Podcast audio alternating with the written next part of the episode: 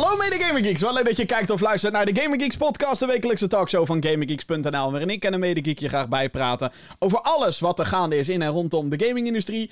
Ik ben Jim en tegenover mij zit eh, de man die zowaar een Christmas break neemt voor deze show. Het is Johan Kreek, hallo. Yes, yo yo yo, eerste dag vakantie. Hey, lekker man, jeetje mina. Zijn we eraan toe? Ja. Oh. Ja, ja. Ja. Soms hoef je ook niet eens heel veel te vertellen, het is gewoon... Ja. ja. Is genoeg.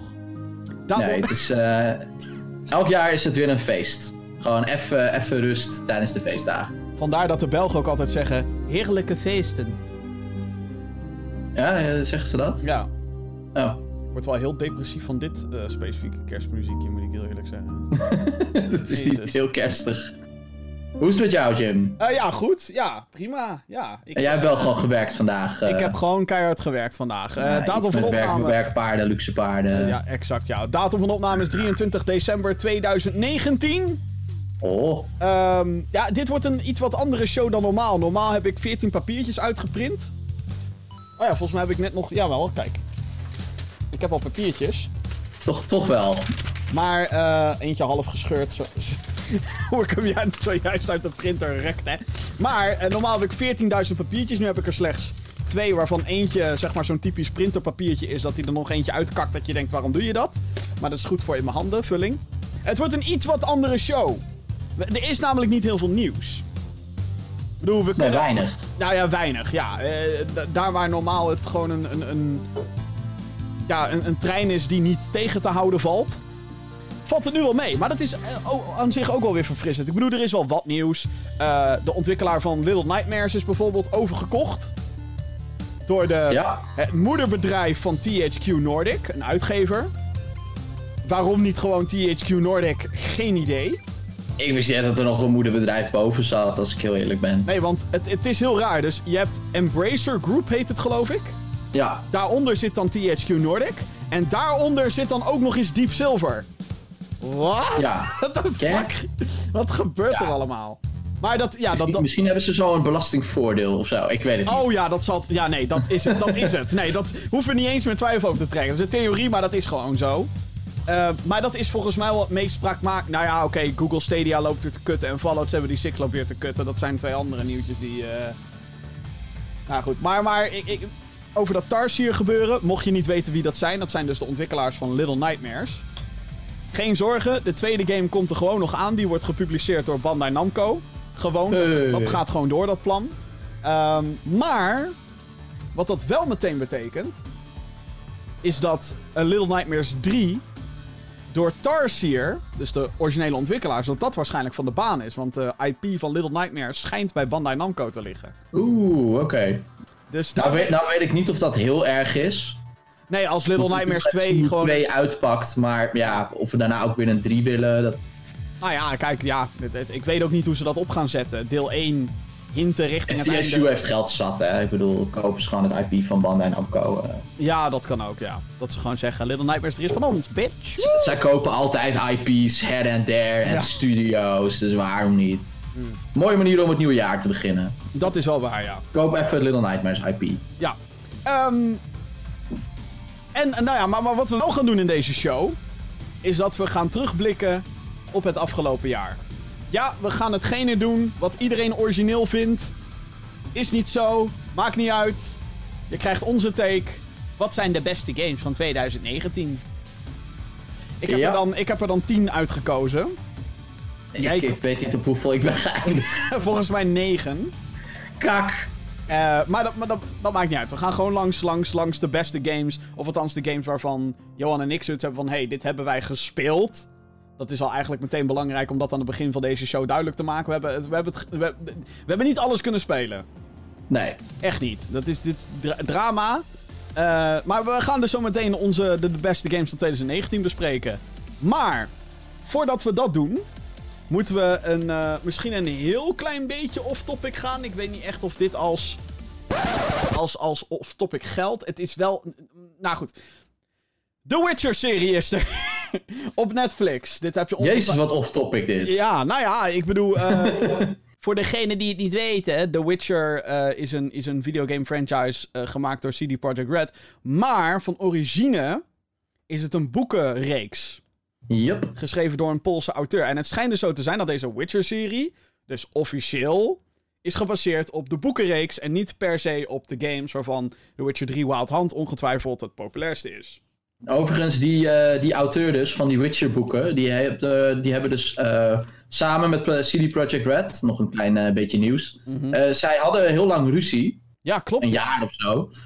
Eh, maar inmiddels eh, is de relatie weer eh, geheeld en hebben zij de, de rechten van de overige Witcher-boeken. Dus een Witcher 4 is daardoor, ja, ja, hoe zeg je dat? More likely to happen. Ja, dat is ook nog. Nou, nu we het zo brengen, was er eigenlijk genoeg nieuws waar we het over konden hebben. Maar dat maakt niet uit. Ja, ja, nou ja, dat was hem alweer, weet je. Ja, ik bedoel, precies. Nou ja, het- was best wel heel interessant hoe, hoe die hele soap is verlopen. Want op een gegeven moment ging die auteur, die was helemaal zo van... Fuck CD Projekt Red, want ze ik sta hier niet achter. Ja, ik sta, ten eerste stond hij niet achter die games. Maar ja, ze maakten een shitload of money. Zowel voor CD Projekt Red natuurlijk als voor hem. Want dankzij Mhm. die games werden zijn boeken weer heel erg populair en zo. Nou, nu is er een fucking Netflix-serie waar best wel heel wat budget achter zit. Ehm, ja, dus ik... ik en, en hij is toen de tijd, en dan hebben we het over 2005 of zo... Is hij toen akkoord gegaan met gewoon een basisbedrag. Zo van, hier hebben we een basisbedrag en daardoor krijgen wij nu de rechten om deze boeken allemaal te gebruiken als source material. En Ja. die characters, bla bla bla. En achteraf zei die gast, die, die auteur, zei van... Ja, maar eh, het is veel meer waard dan dat. En denk ik, ja, gast, je hebt toen de tijd heb je daarvoor getekend. Dat is nou eenmaal Exact, hoe het ja. werkt. Maar goed, kennelijk is daar toch wel een soort van overeenkomst tussen gekomen. Dat CD Projekt Red waarschijnlijk zegt, hier krijg je zoveel procent voortaan. Ja, gewoon de, de, de royalty split is waarschijnlijk gewoon opnieuw afgetikt. Ja, ik denk Wisten het wel. zij veel dat The Witcher 3 zo'n zo'n dijk van een game zou worden? Ik bedoel, dat wist hij ook niet, die, die boekenschrijver. Die dacht van, nou ja, hier neem maar en eh, we zien het wel. Nee, inderdaad. Ja, die eerste Witcher game die deed het redelijk. Mhm. Eh, de tweede game deed het al een stuk beter. Die werd vooral onder de PC, eh, PC Master Race. hey, Was dat vooral een dingetje van: kijk eens hoe mooi deze game is. En toen kwam The Witcher 3 en dat was inderdaad mass appeal. Dat was eh, de mass effect, zeg maar. Ja, dat Snap vond, dat vond ineens iedereen tof. Ja, en eh, nu een paar jaar later is het op Nintendo Switch. En, en hebben we een Netflix-serie dus. Hey, ik heb het nog niet gespeeld. Goed. Nee, De, maar de serie. The Witcher Netflix-serie, ja. Dus eh, nogmaals, officieel gebaseerd op de, op de boeken, niet op de games. Maar goed.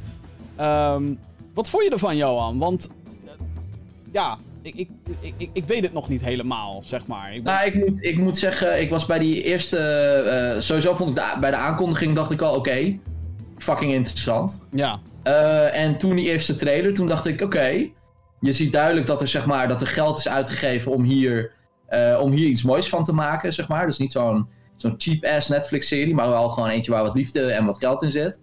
heel veel. Eh, en toen, eh, toen die laatste trailer, en toen dacht ik, oké, ja, dit ga ik wel kijken komende kerstvakantie. ja, even voor En de... ja, even dat heb ik dus gedaan. Ik heb twee afleveringen gezien met Superman als Geralt of Rivia. Ja, ik heb dus ook twee afleveringen gezien. Dus wat dat betreft hoeven we niet bang te zijn dat de ene spoilers geeft over de andere. Aha. Want we hebben letterlijk geen idee.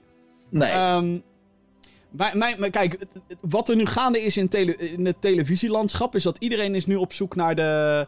Game Next of... Game of Thrones. Ja, exact. De volgende Game Ja. of Thrones. Amazon komt met een Lord of the Rings serie. Oeh. Ehm, nou, Disney Plus die eh, verzint ook wel weer wat. Geen idee wat zij eigenlijk allemaal in de maak hebben. Het is veel te veel. Oeh, zij moeten een Narnia-serie of zo gaan doen. Ja, volgens mij, volgens mij was dat ook al ergens, ergens in de planning. Ik weet niet waar exact. Ah, oké. Nou ja, dat, Maar ergens. mocht, dat, mocht dat nog geen idee zijn geweest, eh Ja. you're welcome. En dan hebben we natuurlijk The Witcher. En Mm. ehm, nogmaals, ik heb, ik heb totaal... Ik, ik ken deze characters niet. Ik heb letterlijk geen idee.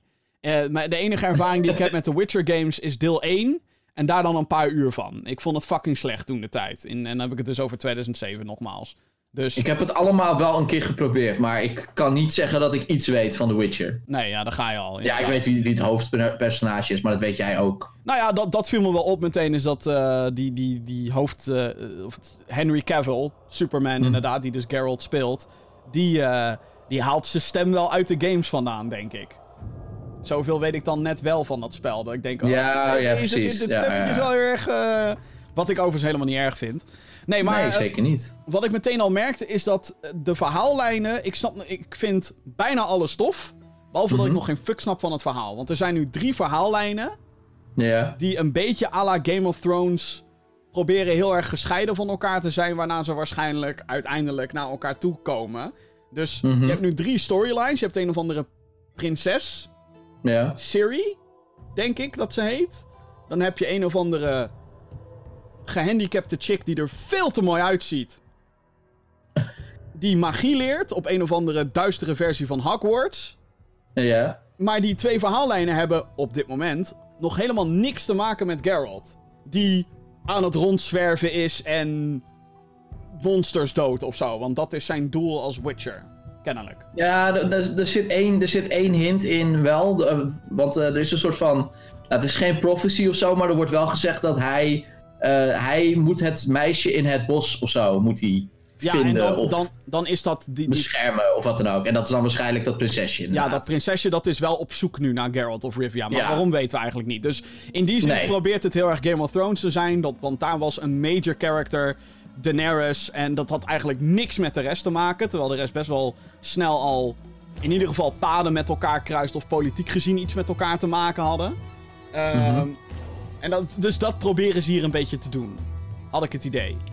Ehm, wat ik heel vet vond, waren, eh, was gewoon eigenlijk elk moment dat Geralt in beeld was. Als je snapt wat Ja, ik het is bedoel. wel een sterk personage. ja. Gewoon die guy. Maar alles is ook gewoon goed uitgevoerd. Ja, Gewoon de, de, de, de, eh, het acteerwerk, eh, maar ook de decors zien er mooi uit. de special effects zien er mooi uit. Eh, ja, en ik, ja, nou ja, verhaal kan ik niet zo heel veel over zeggen nog, want twee afleveringen. Maar ik wil wel meer zien, zeg maar. Ja, dus ja, dat is ik- positief. ik wil ook de rest kijken. En wat ik echt geweldig vond, was... En dat vind ik het nu al waard om zeg maar daar überhaupt één aflevering voor te kijken. Was die vechtscène aan richting het einde van, van episode 1. Dan komt Geralt Ja, gewoon in ik weet wat je bedoelt. Het zit ook, eh, deel, ik zit nu ook de trailer te kijken, het zit ook gewoon Ja, in de trailer, de basically. trailer, ja. Maar dat is, dat is zo bruut, jongen. Dat is echt gewoon ongecensureerd. Hier, dit is wat er gebeurt met je hoofd als er een zwaard doorheen komt.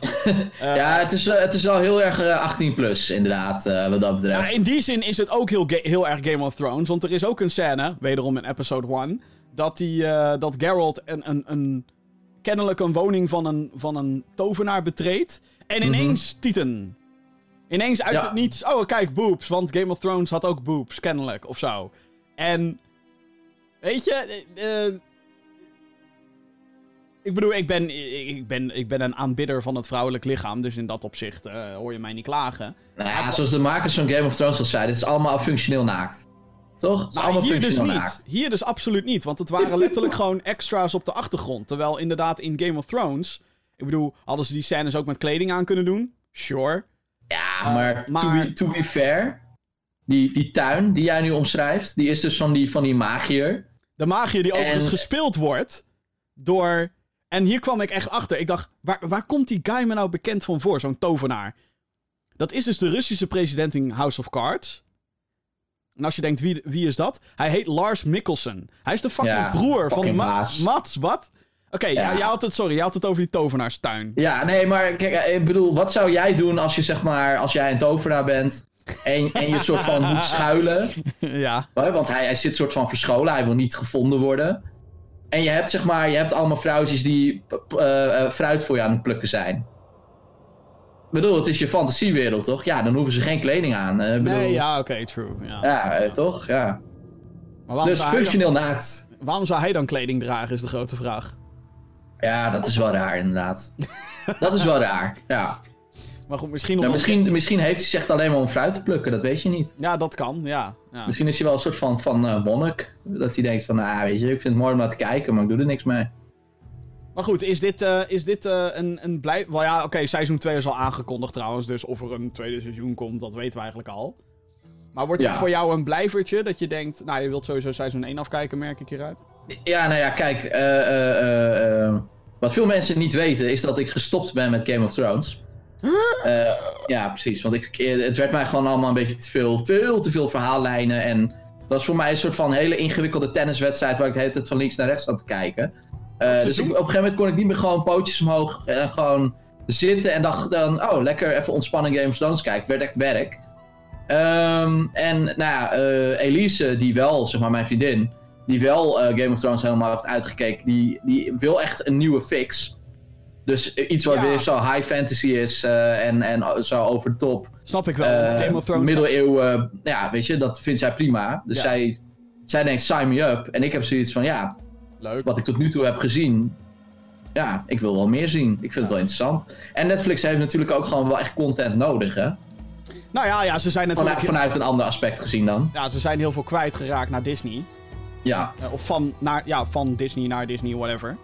En die of zijn Warner, of hè, noem het allemaal maar op. Fox, eh, Home Alone niet meer op Netflix, Disney Plus. Ze, ze zijn alles kwijt, Ja. uiteindelijk straks. Dus Ja, maar ook hun, hun best lopende series die zijn, zijn gestopt. of gestopt of eh, komen tot hun einde. Want volgens mij is het de Ja. bedoeling dat Stranger Things tot seizoen 4 gaat. En alsjeblieft, hou het daar dan ook bij. Mhm. Ga het niet verder uitrekken en dat het kut wordt. Ehm, en ja, ik denk dat dit wel een goede is. Ik weet niet of dit nieuwe subscribers gaat aantrekken per se. Maar ik denk als het. eh, dit, maar dat is ook wat je merkt bij meerdere series. Dat had ik ook hoor. Dat pas bij seizoen 2 of 3. Dat mensen echt zeggen: Yo, dit is fucking lauw, dope. eh, dat moet je echt zien. Nou ja, je moet maar gewoon naar jezelf kijken. Hoe vaak heb je zeg maar zelf gewacht? Met het beginnen met een serie waarbij iemand het zei van, nou, het is best wel tof. Ja. Dat je dan op een gegeven moment zoiets had van, oké, fuck it, ik ga wel kijken. Eh, ik had het bijvoorbeeld met Dexter. Er waren al twee of drie seizoenen uitgezonden. Ja, ik, nee, ik kan twee. hetzelfde, ja. ja. En toen ben ik pas met Dexter begonnen. En toen dacht ik van, jezus, waar- waarom heb ik gewacht? Weet je wel, super vet. Breaking Bad heb ik echt drie keer proberen aan te zetten... voordat ik er een keertje echt doorheen ging. Dus ja, ik bedoel... Maar ja, zal het nieuwe subscribers trekken? Ik weet het niet. Ik bedoel, Game of Thrones was natuurlijk huge. Eh, Maar eindigt eh, de fucking... ik heb gezien dat ze in ieder geval de marketingkraan flink opendraaien. Want ik kreeg de, de Witcher trailer kreeg ik ook gewoon in de paté... voordat ik naar Star Wars ging. Dus Klopt, ja, ja. Oh, Ja. fucking hell. Jezus, we hebben het over Game of Thrones en Star Wars. Twee dingen die compleet verpesten met hun laatste shit. ja, echt, ik ben... Dus eh, ja, nee, dus, eh, ze, ze gaan het in ieder geval proberen. Want ja, nogmaals, ze hebben wel echt mensen nodig die, die voor nieuwe content daar naartoe gaan. Ja, nou ja, ik vind, ik vind dit in En ieder ik vind het geval... wel vet. Ja. Ja. ik vind het ook wel tof. Nou ja, goed. eh, wordt vervolgd wellicht in het nieuwe jaar. Een volledige recensie van The Witcher Netflix-serie. Het zijn acht afleveringen trouwens, dus het is niet bizar lang. Oh, wat? Wat? Hoezo? Wat? Eh, dat wist ik niet, dat het er zo weinig waren. Oh, eh, was dat een spoiler? Nee, Oh. Ik, ik heb gewoon in het lijstje gekeken van Netflix. Wel. nee, ik wist gewoon niet dat het er acht waren. Dus het is absoluut geen spoiler. Nou ja, goed. Dat, eh, dat. Witcher Netflix. Oké, nou. Dan gaan we naar eh, de, de, de, de, de cream of the crop dinges. De kern. Het Ja. belangrijke. De beste games van 2019, dames en heren. Ten, ten, Eh. ten, ten. oh, godsamme. Ah. Wat vond je van 2019 in het algemeen, Johan? Als je kijkt naar de games en wat er allemaal is uitgebracht en wat je hebt gespeeld. mee- Ehm, nou, ik, laat ik vooropstellen dat ik best wel veel heb gemist. Je bent niet... Eh, maar ook best wel veel dingen bewust heb gemist, weet je. Er zijn ook gewoon dingen uitgekomen. Eh, ik heb dan een keer een nieuwe poging gedaan. Ik ben dan met Judgment begonnen, omdat ik dacht... Fuck it, ik probeer dat een keer, zo'n eh, Yakuza-achtige game.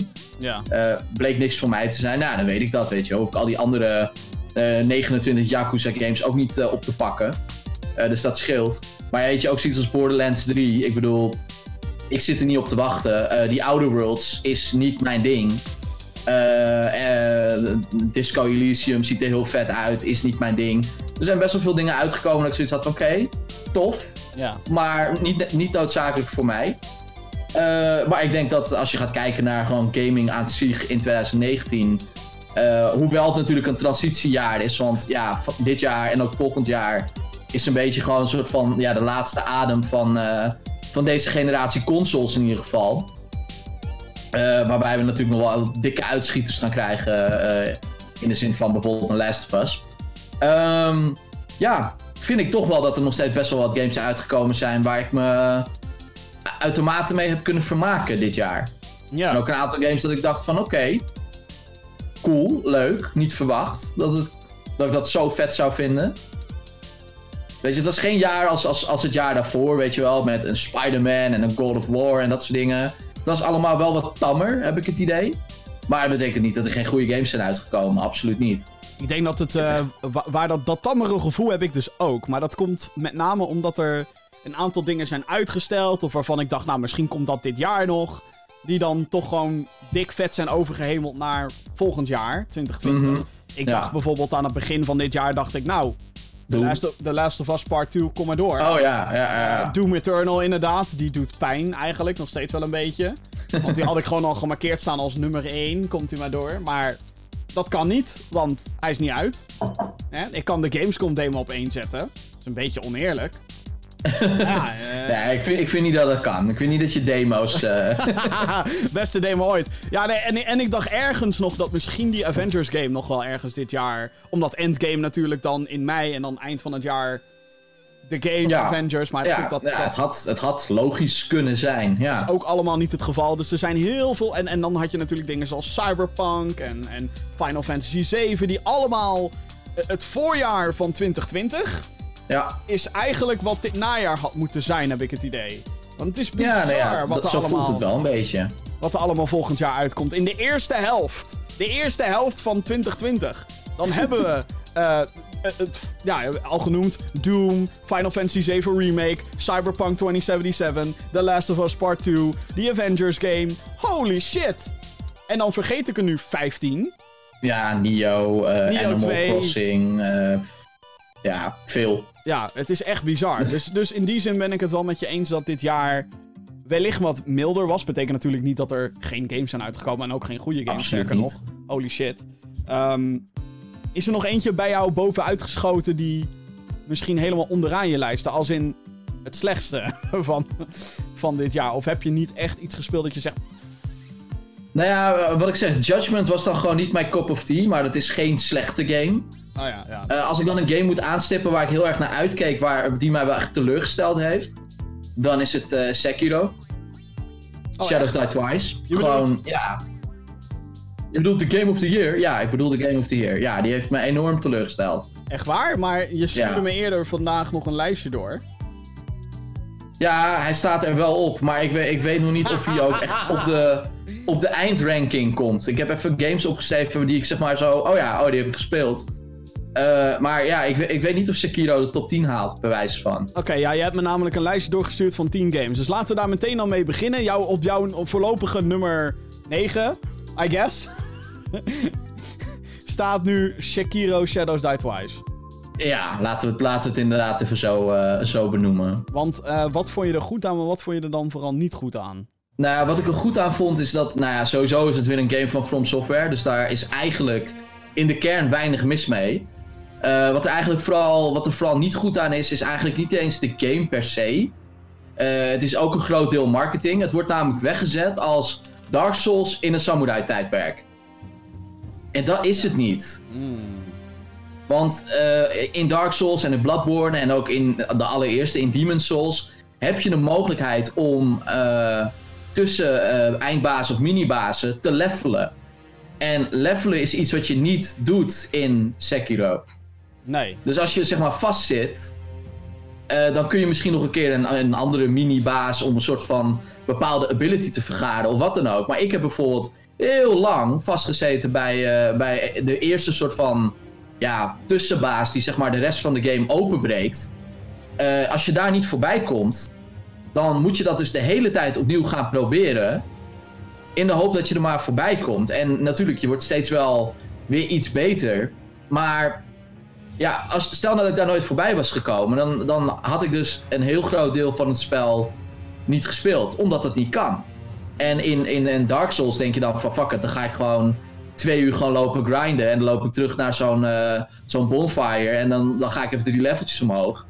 En dan, dan tackle ik even zo'n eindbaas. Ja, dan dat je dan je strength en je health bar en zo gaat... Exact, exact. Maar ja, dat heb je niet in Sekiro. Dus ja, nogal moeilijk. En daarmee is het natuurlijk wel een game die hyper uitdagend is, maar ook meteen een game die een gegeven moment zo frustrerend wordt dat het eigenlijk niet meer leuk is. Ah, en als een game niet meer leuk is, ja, dan gaat er eigenlijk iets mis.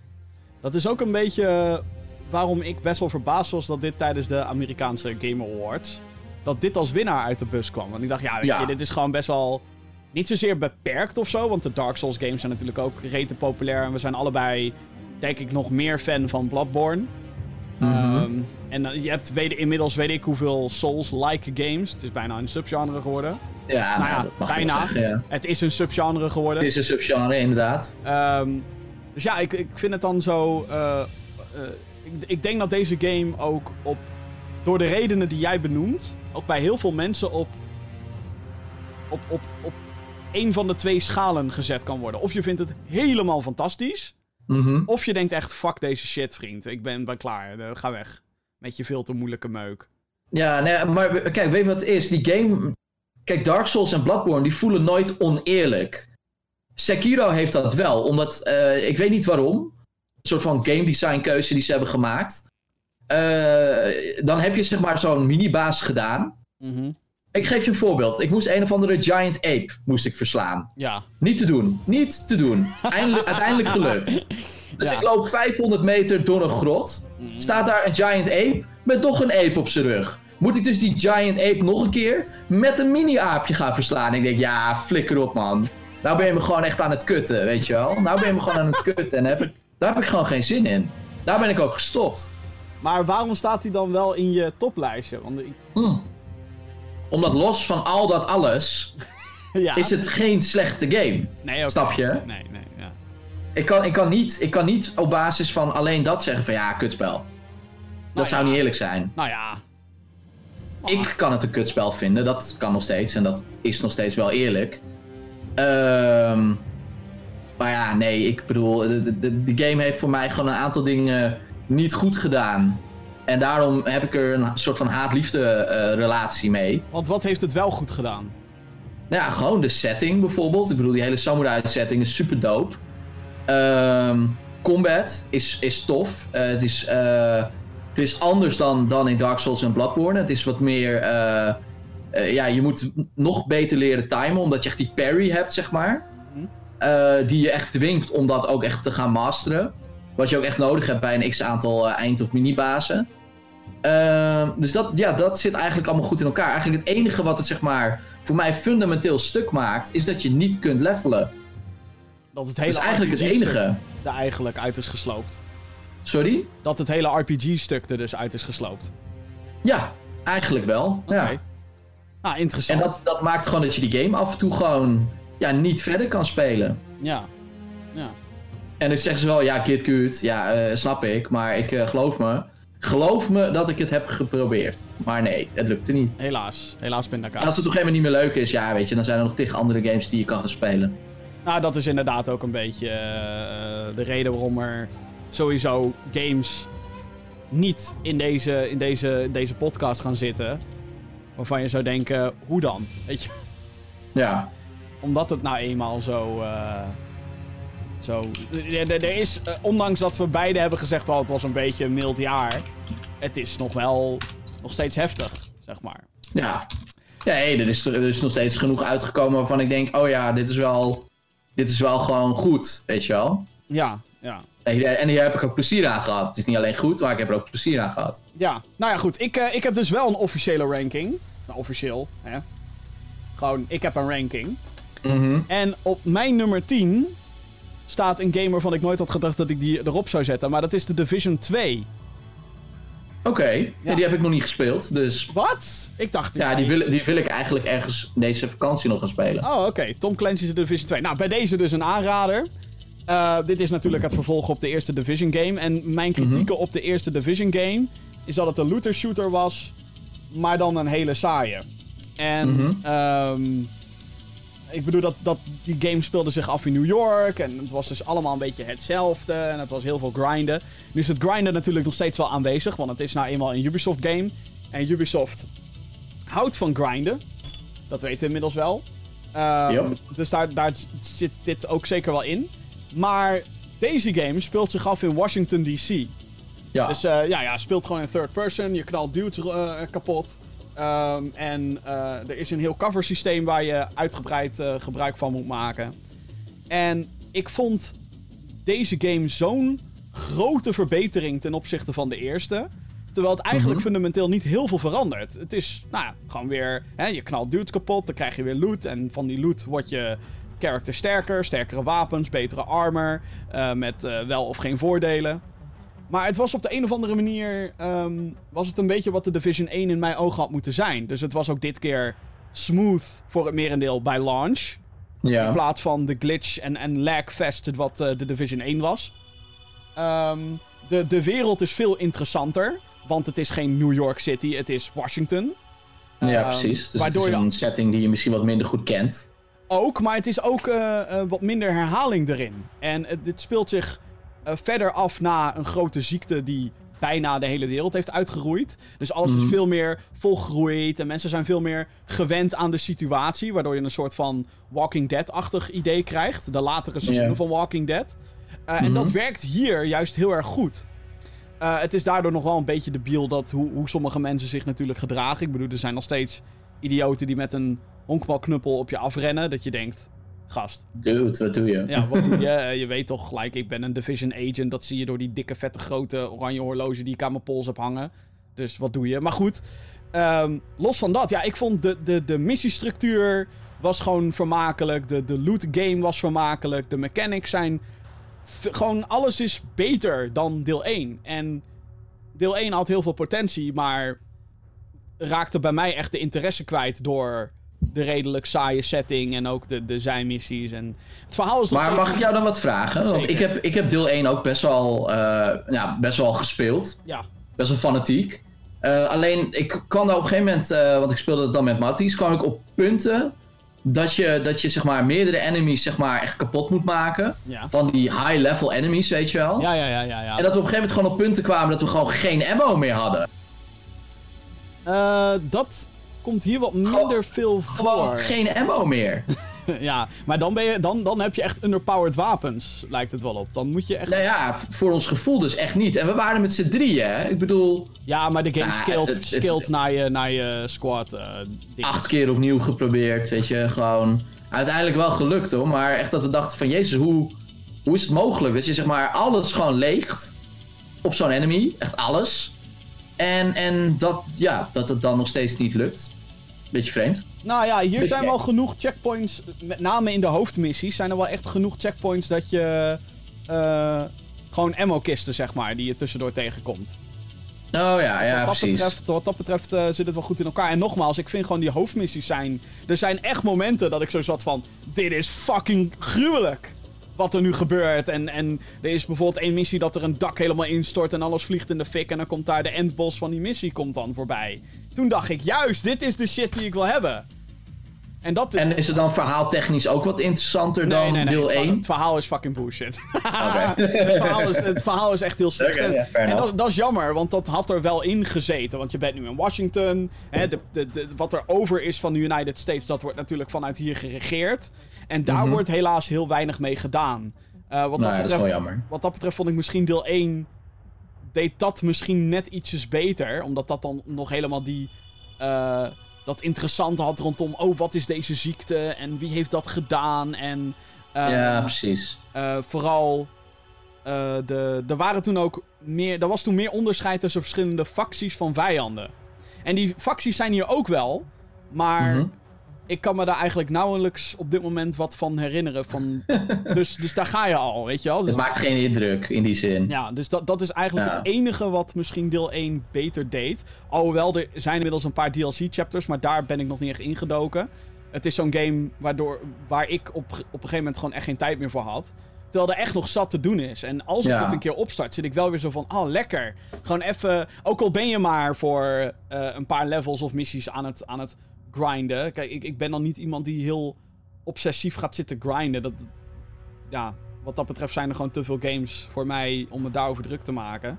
Mhm. Maar ehm, van wat ik heb gespeeld, wat best wel... Volgens mij staat er 40 uur bij mij op de teller. dat is wel Eh, nice. eh, heb ik me heel erg vermaakt. En dan zijn Ja. er nog, eh, nu dit keer ook daadwerkelijk leuke endgame content. De manier hoe de Dark Zones is, eh, zijn ingedeeld werkt net wat anders. Je bent nu minder afhankelijk van andere spelers om het daar naar je zin te hebben. Ehm, er zit natuurlijk weer PvP in. Mhm. Eh, ik weet niet of je daar überhaupt geïnteresseerd in bent. Maar er zijn dus ja, ook ik vond het wel leuk. maar er zijn dit keer ook raids, waardoor je met acht spelers nu dingen moet doen. Dus wat dat betreft voegt het gewoon wel echt dingen, heel veel dingen toe ten opzichte van zijn eerste game. En het ziet Ja, er ik moet wel uit. zeggen dat Ubisoft daar wel goed in is hoor. Om zeg maar eerst hun eerste game soort van de basis mee te leggen. En dan de tweede game, zeg maar, kijk naar Assassin's Creed. Kijk naar Watch Dogs. En Ja. kijk dan ook naar The Division. Ja, ja. Eh, het tweede deel is dus eigenlijk gewoon wat het eerste deel moest zijn. ja, en ik denk dat daardoor deze game niet heel goed verkocht heeft. Want eh, rondom die, dat gedoe rondom Ghost Recon Breakpoint, die fucking slecht Ja. was, eh, heeft Yves Guillemot, de CEO van Ubisoft, de uitgever van de game, en tevens ook ontwikkel... Oh nee, de ontwikkelaar is Massive. Anyway. de Ja, Ubisoft Massive. Ja, precies. Eh, maar daar, daar heeft Yves Guillemot gezegd van ja, Ghost Recon heeft het niet heel goed gedaan en The Division ook niet. Alhoewel, nee, die heeft het wel beter gedaan dan Ghost Recon, godzijdank. Ja. Maar ja, ik, ik merk ja. ook heel weinig bus op dit moment rondom The Division. Terwijl dingen zoals Destiny en zo, weet je wel, dat, dat, dat blijft wel hangen. En, zo. en daar hoor je dingen over. En daar, daar, Ja. daar is een Rainbow Six Siege bijvoorbeeld, ook een Ubi-titel. Daar hoor je de hele tijd dingen over. En dat heb je bij The Division nou eenmaal niet. En Nee. ergens vind ik dat Nee, ja, jammer. Siege is natuurlijk ook nog een e-sports titel, dus Dat ook nog eens, ja. Ja, en maakt het ook ergens, weer eh, Ja. anders. en ergens vind ik het jammer. Want ik vind dat er echt wel heel veel toffe dingen zitten in de Division 2. Met uitzondering van zo'n fucking cosmetic lootboxes. Daar moeten ze gewoon mee kappen. Ja, Dat maar is, ze eh, hebben dus wel echt hun best gedaan om ook een beetje te luisteren naar de feedback van deel 1. Ik heb het idee van wel, ja. Ja, ja, ja. Nee, ik vond, nou, dat het, is op zich eh, positief. ik vond het heel vermakelijk. En terwijl ik dat lijstje in elkaar zat te zetten, dacht ik... Ja, maar ik vond het echt heel leuk. Dus fuck it. Dus bij deze, nummer 10, de Division 2. Oké, Ehm, nice. op mijn nummer 9, maar dat is misschien eentje die we nu moeten benoemen omdat het een gedeelde eh, game is die we allebei een beetje hebben opgeschreven. ja, Je bedoelt, eh, je bedoelt eh, de, de, de one with the master sword? Eh, ja, die inderdaad. Ja, Cadence of Hyrule, hartstikke goed. Ja, heb ik dus niet gespeeld dit jaar. Vind ik echt jammer. Ja, ik, ik, ik ook niet. Maar ehm, nee, ik heb het natuurlijk over ehm, The Legend of Zelda, Link's Awakening. Ja.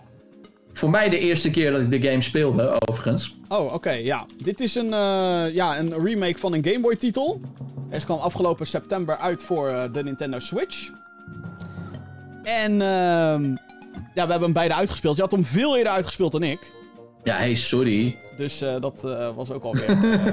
Ja, ik vond het leuk. Ik vond het echt leuk. ja, voor degene die het niet weet, het is een remake dus van een Game Boy game.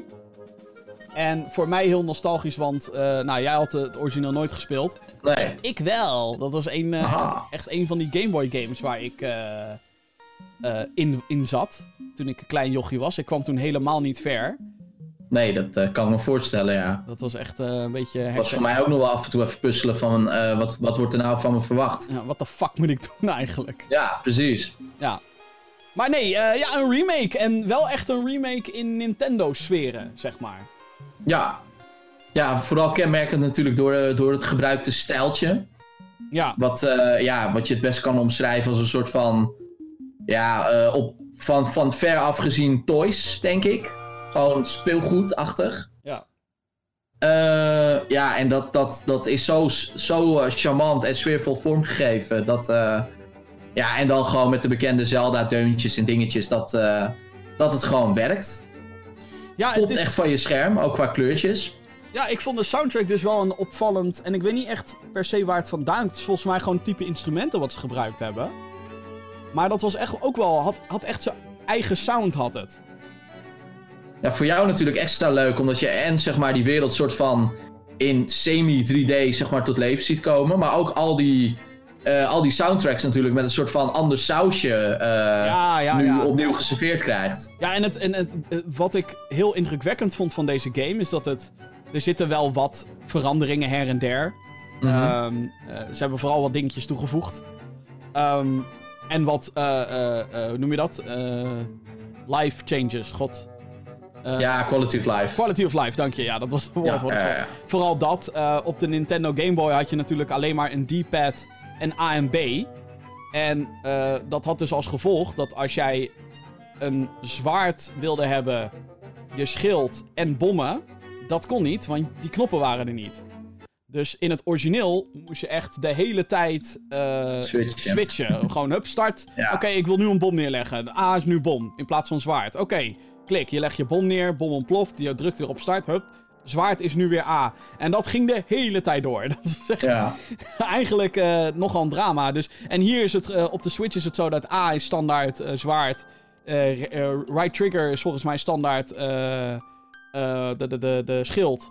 Ja, En zo zijn er meer items die aan standaard knoppen worden gemapt. En dat vind ik prima. Ja.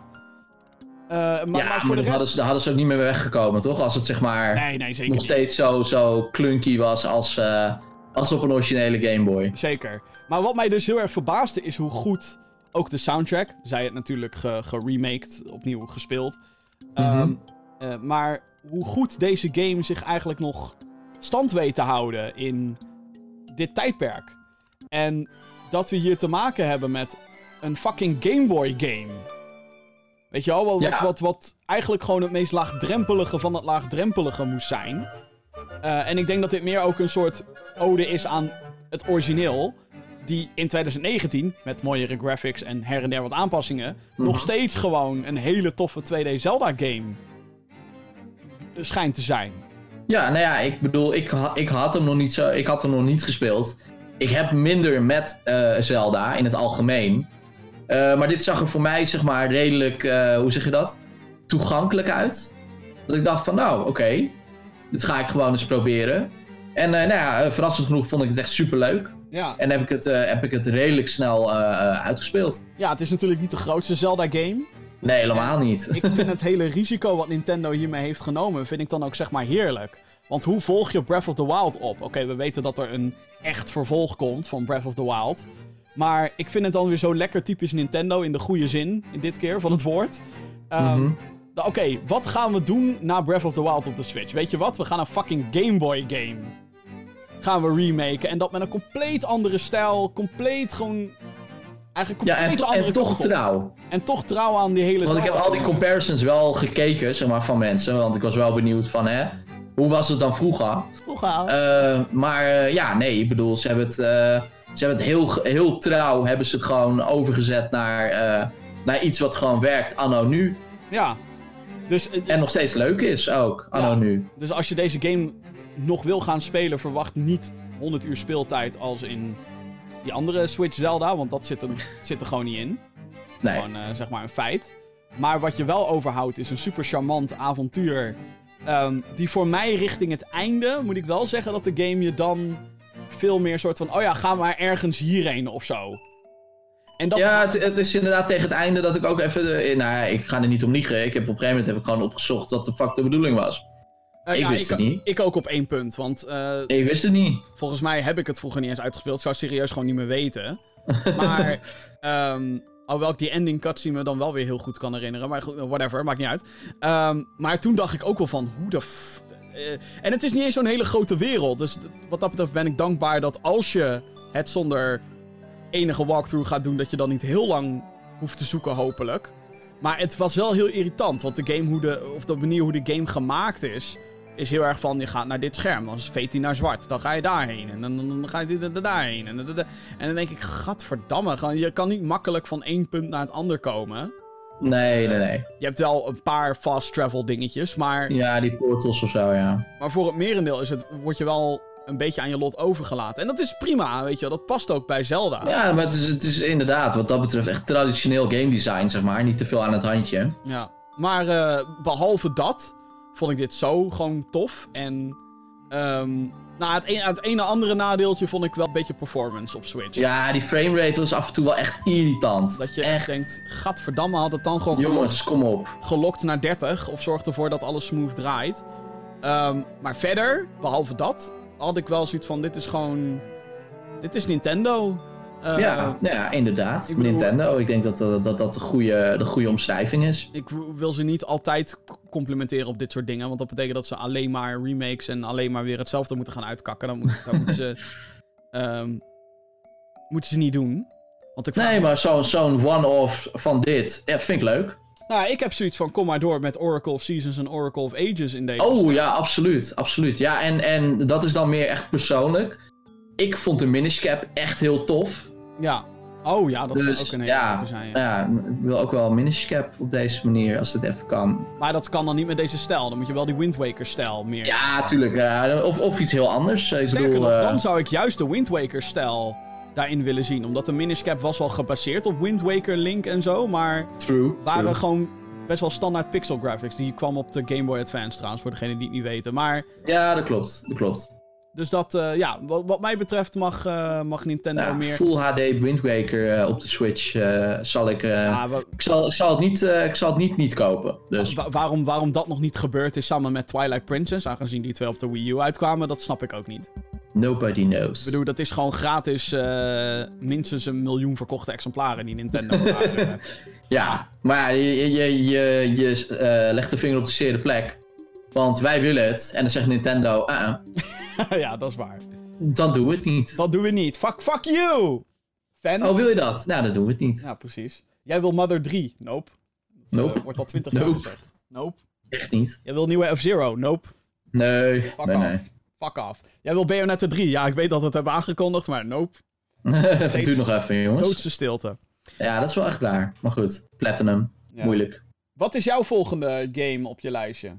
Ja, ja, ja, ja, ja. Ehm, als ik dan zeg maar gewoon ga kijken wat er boven Sekiro staat, dan is het eh, Age of Empires 2 Definitive Edition. Eh, ja, eh, het is Age of Empires 2. eh, Wat een- van de beste RTS games ooit gemaakt. Dat is niet alleen een mening, dat is ook feit. Ehm, en ja, in, een, in een Definitive Edition. Ik bedoel, eh, 4K graphics als je computer het aan kan. Bij mij niet, helaas. Eh, maar ook gewoon het feit dat je zeg maar uit kan zoomen nu op je, op je, op je battlefields. En eh, dat alles er gewoon wat beter uitziet. Die soundtrack is waanzinnig. Die hebben ze gewoon helemaal opnieuw opgenomen. Ehm, met, ja, en als je dan gewoon die deuntjes weer hoort, dan, ja, dan ben ik gewoon weer heel klein eigenlijk. Dan ben ik echt gewoon weer een jaartje of, nou wat zou ik geweest zijn, 10, 12? Dan ga je weer eh wololo, wololo. Wololo. Ja, sowieso. Nee, maar ja, fuck. Age of Empires. Ja, ik bedoel, eh, ik, ik, ik... Ja, ik kan denk ik wel uren orakelen over hoe vet ik Age of Empires vind. Maar ik bedoel, mensen die... eh, kijk, en wat het vet is aan deze Definitive Edition is... Dat het zeg maar... Het is niet alleen Age of Empires 2. Het is Age of Empires 2 met eh de Conquerors. Zeg maar de officiële expansion die uitkwam. Daarnaast nog alle expansions die zeg maar Forgotten Empires destijds heeft gemaakt voor de Age of Empires. Age of Empires 2 HD eh, editie voor Steam. Eh, want die hebben ze tot, tot op, nou ja, tot voor vorig, eh, vorig jaar hebben ze die nog ondersteund met allemaal nieuwe content. Dus je krijgt echt een shitload aan extra expansions. En dan hebben ze ook nog voor die Definitive Edition een extra nieuwe expansion gemaakt om mee aan de slag te gaan. Ja, weet je, ik bedoel, Want het is echt insane hoeveel content erin zit. want wat, was da- wat is dan zeg maar de verbetering van Definitive Edition ten opzichte van HD? Eh, nou ja, sowieso alle content. Ja. Eh, eh, het feit dat eigenlijk alles gewoon er be- nog beter uitziet. Want Maar- maar- HD maar ja. was meer een. HD was meer een. een hoe, ja, hoe zeg je dat? Want dit is eigenlijk ook een remaster, dus dat klopt niet helemaal. Was HD meer Maar- een upscaling of zo? Zo van, oh hey, Ja, zo zou je het dan beter kunnen omschrijven, inderdaad. Ja, en dan is dit meer, hey, we hebben alles nu opnieuw getekend, bij wijze van. Bij wijze van, ja. En, en ja, wat ik zeg dus, met al die additionele content erbij. eh, ja. Age of Empires, ja, ik bedoel, ik vind het geweldig. Het gaat bij mij wel weer kriebelen als ik dit zo zie, want dan denk ik wel, oh mijn god. Wat leuk Ja, eigenlijk. ik moet, ik, ik moet nog steeds een keer, eh, want Kamman die had het er een tijdje geleden ook over. Ik moet dat nog steeds een keertje met Kamman ook gaan spelen. Dus eh oh ja, die, ja, we kunnen natuurlijk wel- ook een skirmish met z'n drieën doen. Hè? Dat kan ook. Kan ook, ja. Ik ben alleen heel slecht in, eh, in zeg maar, strategy games. Resource management. Ja, ik, kijk, ik ben zeg maar zo'n lul. Die in strategy games vind ik de leukste missies. Waarin er Ja, geen, jij gaat alleen maar SimCity spelen of zo. ja, geen tijdsdruk. Gewoon laat mij maar een massive army bouwen. En dan die hele enemy base gewoon compleet kapot maken met... En dat deed ik ook in Command Conquer. En dan gewoon kijken of ik dat kan doen met een gimmick type... één type unit of zo. Gewoon, gewoon kan, kan ik een stad verwoesten met alleen maar Wololo Priests bijvoorbeeld? Dat kan. Ja.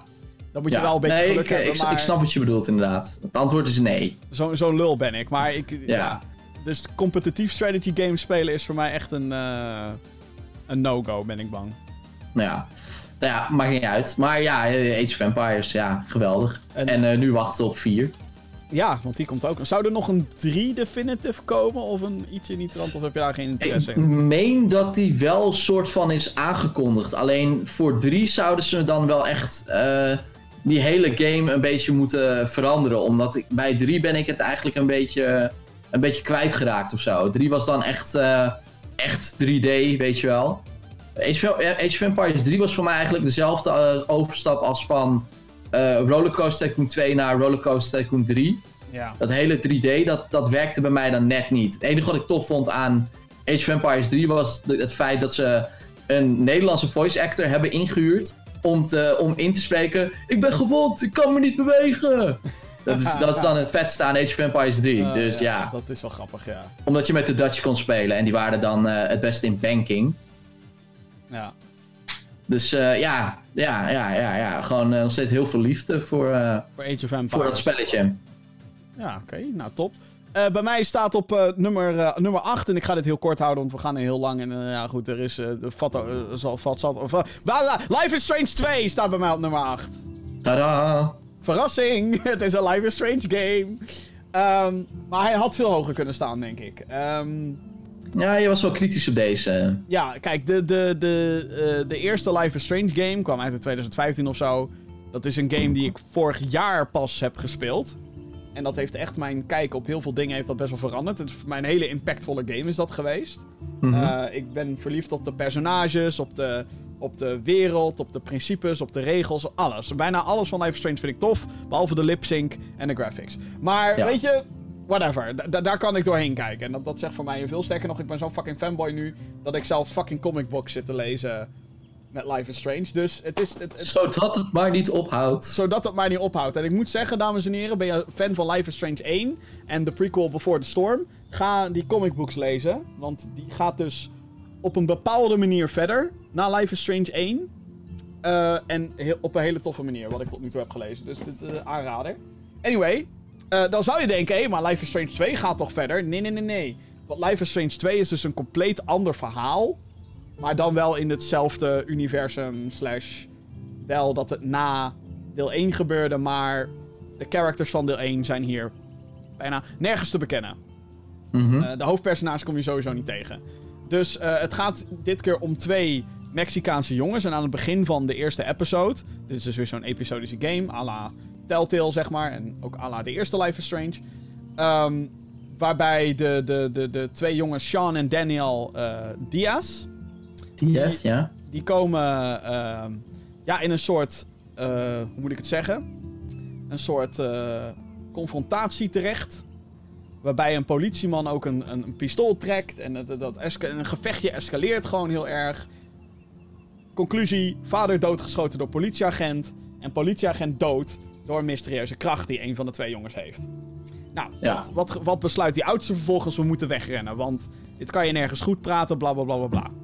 Dus dat is eigenlijk een beetje het hele verhaal. En dat is natuurlijk een compleet ander perspectief ten opzichte van deel 1, waarin het gaat om twee bijna net volwassen, eigenlijk nog pubermeisjes, die Ja. zeg maar met daily dingen struggelen, waaronder ook... Dat high school vibe, vibe eigenlijk. Ja, eh, dus Ja. Het, het is heel anders.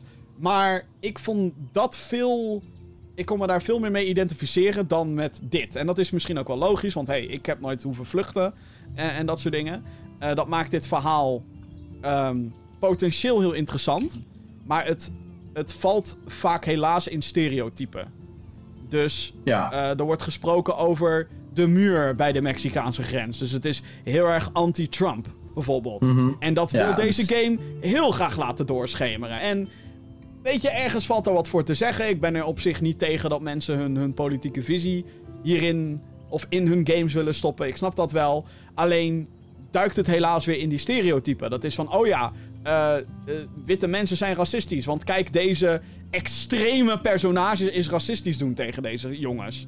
Weet Ja. je wel? En ik kan daar... eh, Op het moment dat die game dat punt probeert te maken, dan denk ik, ja, maar dat is zo raar, want bijna alle personages die hun proberen te helpen zijn ook blank. Dus dan denk ik van, wat, weet je wel, Ja. het, het, het, het probeert dan een statement te maken, maar daarin zijn ze dan weer net niet subtiel genoeg, vind ik. En dan Dit gaat, wordt nu een hele politieke discussie, merk ik. Terwijl ik. En, en uiteindelijk. Ja, goed, ik kan nu allemaal details gaan vertellen, moet ik niet doen. Want uh, als je dit wil spelen nog en je hebt dat nog niet gedaan, moet je dat vooral doen. Uh, er zijn wel momenten dat deze game heel goed Life is Strange wordt. En daarmee bedoel ik dat je echt. Je wilt dat het goed komt met die twee. Dat wil je eigenlijk vanaf moment 1 wil je gewoon dat het goed gaat met deze twee guys. En als ze slecht behandeld worden en het is niet de schuld van jouw keuzes, want je moet zoals in de eerste game moet je keuzes maken, dan voel je je ook echt kut voor die gasten.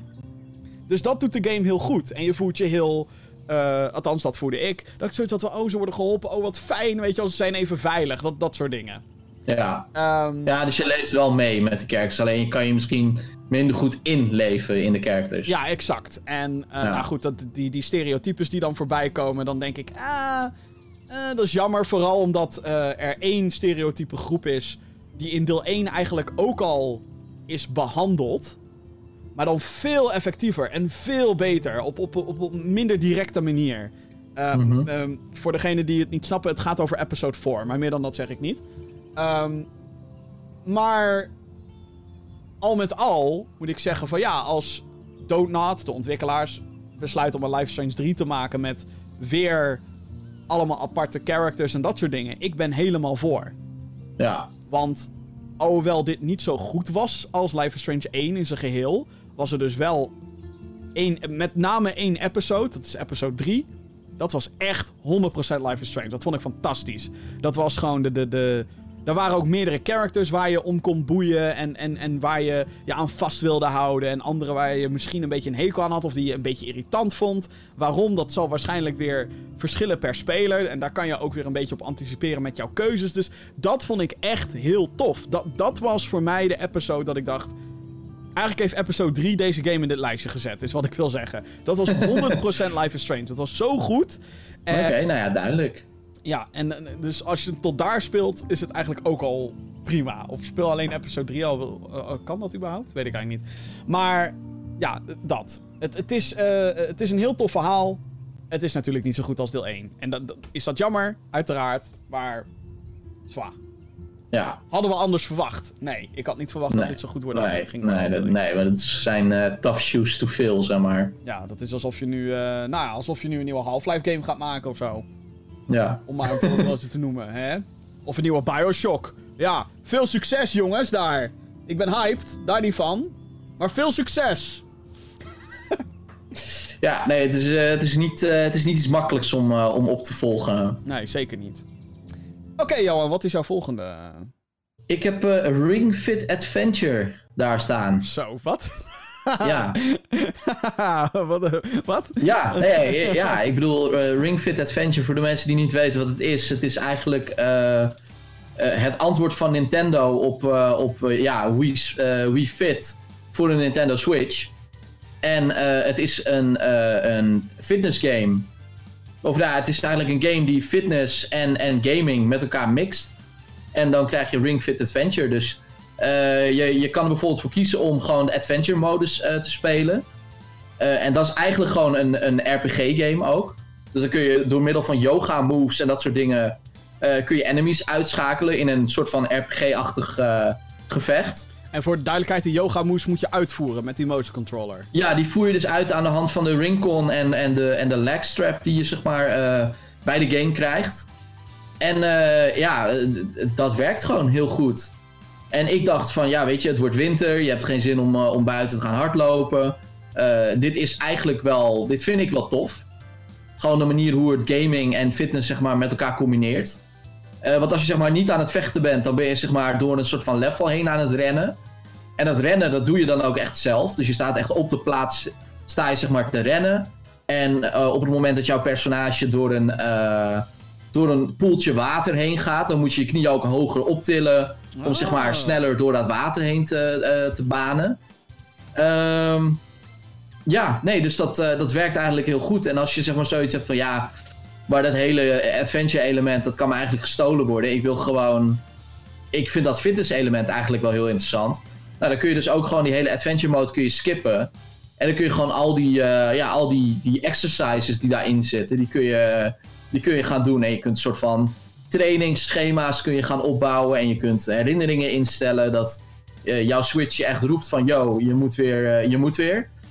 Ehm, en ja, en je denkt dan van, ja, oké, maar het is allemaal maar een spelletje. En eh, weet je, dat stukje plastic in je handen, dat, dat, dat heeft allemaal niet zo heel veel om het lijf. Maar dit spel fokt je echt op, gewoon. Het is echt... Het kan best wel zwaar zijn. En het spel dat zegt ook de hele tijd tegen je van... Hey, heb je een handdoekje? En ik maak geen grap. Heb je een handdoek neergelegd? Uh, heb, je, heb je water ernaast staan? Want je moet wel gehydrateerd blijven. Dus het is ook een soort van heel verantwoord sporten. Het spel zegt ook van... Als het nu niet gaat, dan, dan even niet. Weet je wel, dan kan dat ook. Uh, dus ja, het is op een hele verantwoordelijke en, en eigenlijk op een spelende wijs uh, fitness. En ik vind, het, ik vind het wel heel grappig. Ik vind het wel leuk. En, en die, die, die, die rincon die je erbij krijgt. Ja, dat lijkt dus echt gewoon een stukje plastic. Maar er zit gewoon zoveel technologie in. Echt bizar. Ja, ik, ik was echt heel verrast door, door dit ding. Ik weet nog dat Nintendo het aankondigde en dat ik dacht... Jezus, wat fucking slim. En ja, ja, ja vooral... Ring Fit Adventure. Het is gewoon cool. Ik zit naar die beelden te kijken en ik denk dan ook vooral... Jezus, het is gewoon echt een game. Het is ook echt een game. Met fitness, terwijl je inderdaad van Wii Fit en zo gewend bent. Dat is heel statisch, heel... Uh, hoe noem je dat? Klinisch ook. Klinisch, ja, het was allemaal heel wit en heel blauw. En het was echt ja. een soort van ziekenhuisomgeving of zo... waarin jij je, je oefeningen aan het doen was. En dit is gewoon... Ja, gewoon echt een kleurrijke omgeving. Uh, kleurrijke, uh, uh, wat is het, characters om te verslaan. En ja, het is, gewoon, het is gewoon leuk gedaan. En onder, als je dus over die map heen loopt, dan ben je dus aan het, aan het rennen, dus echt aan het bewegen. Dan moet je bijvoorbeeld je rinkel naar beneden houden en dan erin knijpen om over obstakels heen te springen. En als je dan uit elkaar trekt, dan kun je zeg maar bepaalde munten opzuigen die zeg maar weer bijtellen bij je, bij je uiteindelijke score. Dus het is echt in alle, in alle opzichten is het echt een game. Ja, nou, dat is uh, het hele Maar het is fucking zwaar. Ja, nee, dat, dat snap ik wel, ja. ja. God, de tering zeg. Wel een hele toffe toevoeging, vind ik dan. Ik vind het, uh, ik vind het heel tof, ja. Ja. Ik had, uh, ik had niet verwacht dat het allemaal zo...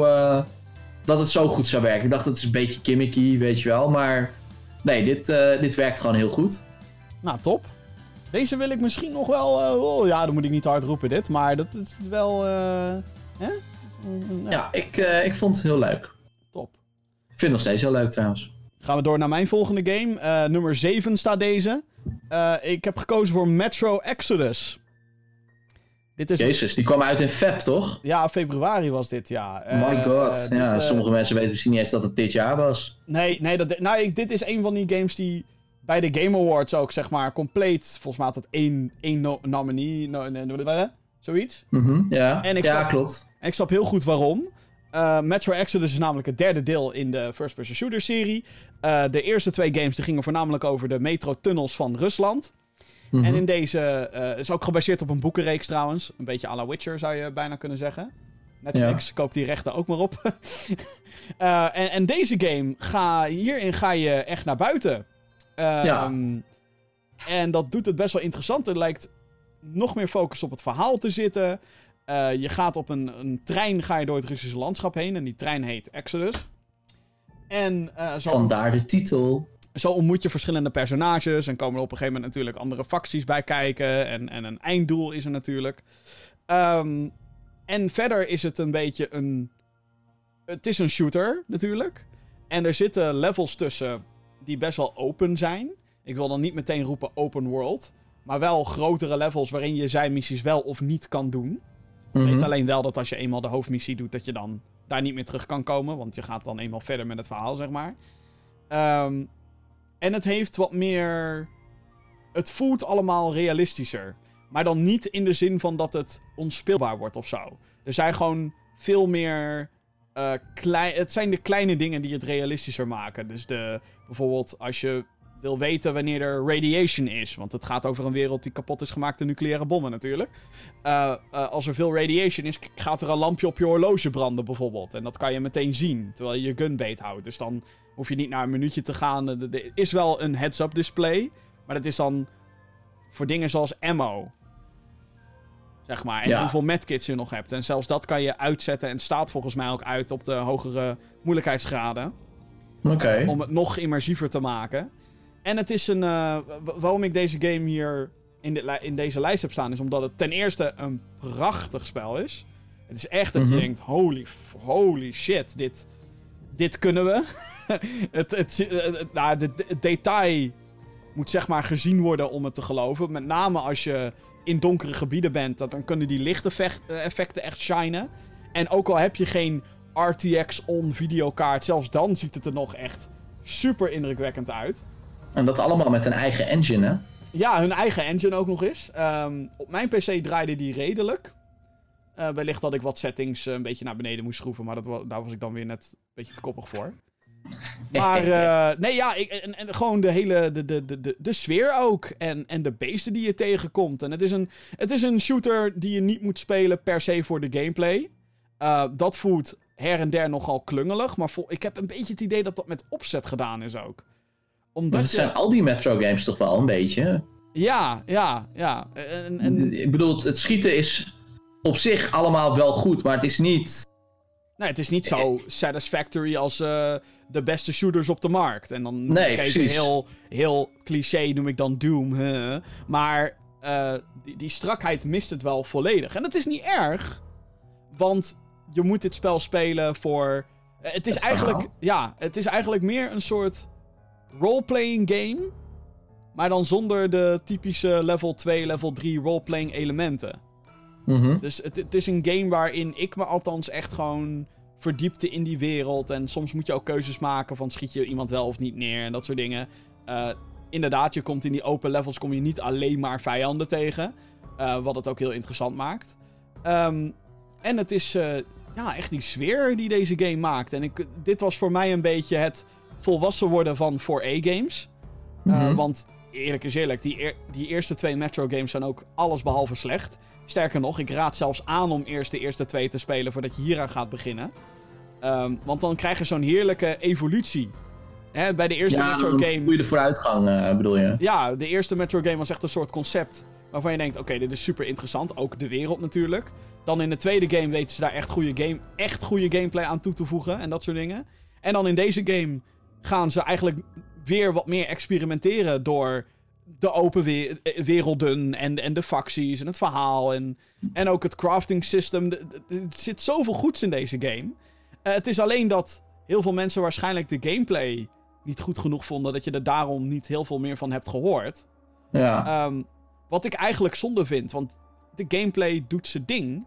Maar is inderdaad niet het sterkste punt. Maar ik denk ook niet dat dat nogmaals de bedoeling per se Ja, maar je moet een game natuurlijk ook gewoon beoordelen op, op het, hele, het hele pakketje. Dus als het verhaal bijvoorbeeld echt supergoed is en de gameplay wat minder, ja oké, dan kan je het nog steeds heel tof vinden. En andersom ook, weet je wel. Ik bedoel, als het verhaal wat minder is, maar de gameplay ijzersterk, ja, weet je, dan Ja. kan het nog steeds een goede game zijn. Ja, dit was voor mij een titel die ik... eh, eh, dit was zo'n game...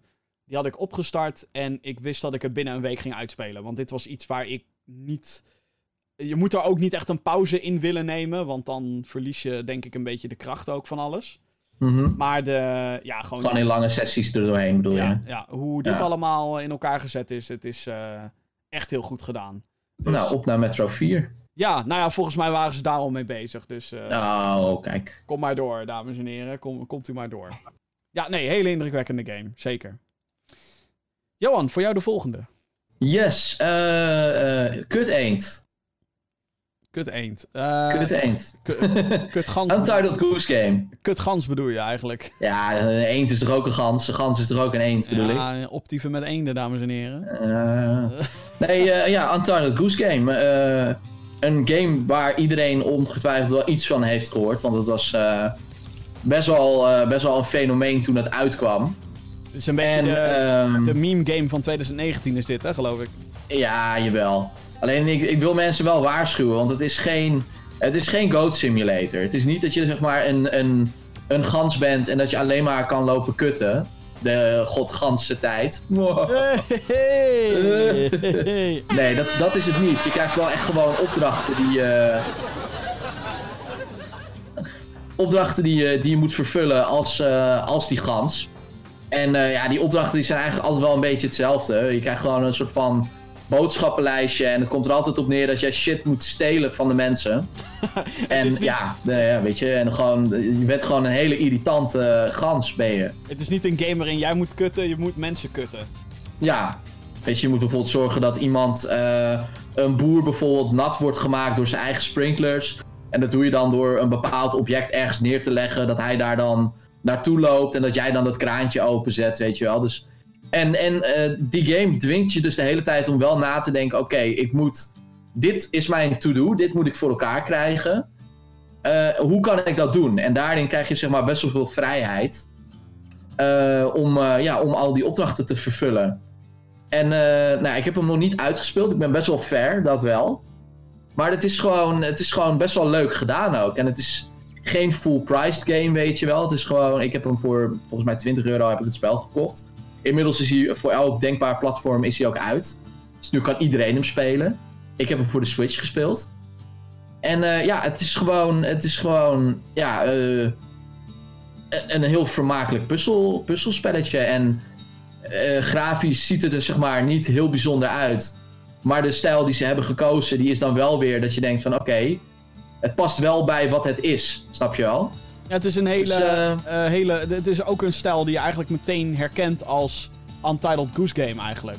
Ja, ja nee, inderdaad. Ik bedoel, als, als er nu andere, andere games zeg maar, gaan uitkomen die zeg maar, dezezelfde stijl adopteren, dan ga je inderdaad horen van, oh hé, hey, dat is eh, datzelfde als eh, Untitled Goose Game. Hey, motherfucker, stelletje ongeïnspireerde teringluis. Hey. ja. Nee, maar ik, eh, ja, ik, vond het dus, eh, ik vond het dus een heel leuk spelletje. Ik had eigenlijk, eh, eigenlijk had ik er niet zo heel veel van verwacht. Ik dacht eigenlijk in de eerste instantie ook dat het meer, en daar gaan we weer met, met marketing, dat het meer zo'n game was waarin je gewoon een, een gans speelt die gewoon de hele tijd iedereen, eh, iedereen loopt te fucken door van alles te stelen. Zonder dat daar echt, echt doelen aan verbonden zitten. Maar hè, al, al gauw kwam er zeg maar, een trailer waar, waarin ook die doellist naar voren kwam. En werd het al wat duidelijker wat de bedoeling was. Maar eh, ja, nee, eh, eh, echt, echt een leuk spelletje. ja, nou, top. Zet, zet je aan het denken. Untitled Goose Game zet je aan het denken. Ja, nee. wel wat ze dan... Als, stel dat ze een vervolg gaan maken, hoe ze dat dan gaan noemen. De Titled Goose Game? Of ja, precies. gokje, denk ik. Ja, een goede vraag. Ik, eh, ik heb geen idee. Ik weet niet wat, eh, wat de verdere ambities zijn van, eh, van House House. Want je zou kunnen zeggen dat ze. want die game is op zich niet heel lang. Hij kan heel lang zijn als je gewoon niet weet wat de fuck je moet doen. Maar die game is op zich niet heel lang. Dus je zou kunnen zeggen van dat ze hem nog kunnen uitbreiden aan de hand van, van DLC of zo. Met wat, wat nieuwe leveltjes. Ja. Of een andere gans of een ander dier, wie weet. Een daadwerkelijke eend. Ja, eh who knows? Ik bedoel, het, eh, het kan. En dan moet die game ook daadwerkelijk heten Optieven met eenden. Dat zou ik dan wel heel grappig vinden. Jij mag hem zo noemen. Prachtig. Oké, gaan we naar mijn volgende game. En dat is eh, eentje die ik niet had verwacht dat ik die ooit op deze lijst ging zetten. Maar dat, dat zeg ik wel over meerdere games. Maar Gears 5 is, staat bij mij op nummer 6. Net niet de nummer 5 positie behaald. Dat is nou jammer. Ja, Eh, dit dat is een wel leuk geweest. ja, dit is een Microsoft franchise. Ehm, eigenlijk een van de titels die de Xbox 360 zo ontzettend populair maakte toen de tijd. Mhm. Eh, de serie verloor al enigszins een beetje wat steam met eh, Judgment. Dat was de prequel. Eigenlijk de vierde game. En Gears 4, die ook op de Xbox One en PC uitkwam.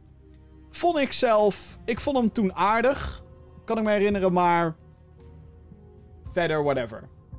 En Gears 5 brengt wat mij betreft de serie weer terug naar zijn, eh, zijn gloriedagen. Ehm, ten eerste, dit is een uitermate mooi uitziende game. Holy shit. Ehm, een een hele andere stijl dan Metro Exodus, die ik natuurlijk ook heel erg complimenteer om zijn grafische stijl. Mhm. Maar ja, gewoon het spektakel. Dit is zeg maar wat je een beetje wil van een Michael Bay science fiction film is dit. In goede zin. Uh, maar dan met een goed verhaal. Iets wat je in Transformers bijvoorbeeld niet krijgt. Um, en dat verbaast me eigenlijk wel. Hoeveel uh, diepte van verhaal erin zat. En dat verklaart eigenlijk ook meteen een aantal dingen die in Gears 4 gebeurden. Uh, Gears 4 voerde als een soort proloog aan. En ja, als dat een proloog is voor dit verhaal, dan heb ik er eigenlijk heel weinig op tegen. Uh, want het is heel sterk. Het wisselt van hoofdpersonages. Je speelt dit keer als uh, Kate voor het merendeel van de game. En niet als J.D. Phoenix, de zoon van Marcus Phoenix. Mm -hmm. hij zit er wel in, overigens, het character. En wat ik tof vind, zijn dus die characters. Ook, ook, ook, personages die wellicht wat saai overkwamen... of die je misschien helemaal bent vergeten uit Gears 4. Die... Um, ja, die hebben hier ook een bepaald soort chemie. Niet iedereen mag elkaar. Sommigen zijn heel autoritair. En anderen die, dat zijn juist de beste matties. Het is een beetje ehm, zoals ik zou willen hoe de... Bad Company? Ja, of een beetje hoe de verhoudingen zouden moeten zijn in de nieuwe Star Wars films. Uh, weet je wel, het zijn wel vrienden van elkaar. Ze vertrouwen elkaar wel. Maar, zeg maar dat. Iedereen heeft ja, een beetje Ja, zijn ja, nadelen en dat soort dingen. Um, en gewoon de manier waar ze naartoe gaan met, met, met het verhaal van Kate en haar connectie met de, de, de, de, de Swarm. Mm Mhm. de, de, vijandelijke alien-factie, zeg maar. Uh, dat is uh, best interessant. Uh, het grote nadeel wat betreft de campaign vind ik dan dat het heel abrupt eindigt. En dat het zoiets is van: hey guys, tot Gear 6, doei, later. later. Dus, dus, dat is het wel. Het eindigt ineens, denk je van: oh, oké, okay, credits, wat, wat doen jullie hier? Wat? oké. Okay kennelijk. Maar, maar is, eindigt hij dan abrupt of is hij ook kort? De campaign is niet heel erg lang. Volgens mij heb ik er een uurtje of zeven over gedaan of zo. Oké, okay, ja, Uh, dat is dus inderdaad... Wat, wat dat betreft niet heel lang. Maar deze campaign kan in co-op gespeeld worden, wat in eerste instantie al tof is. Mhm. Um, en daarnaast heb je ook nog eens de bekende Gears multiplayer. Dus je hebt dan PvP Uiteraard. met zijn bekende coversysteem. En dat werkt allemaal lekker.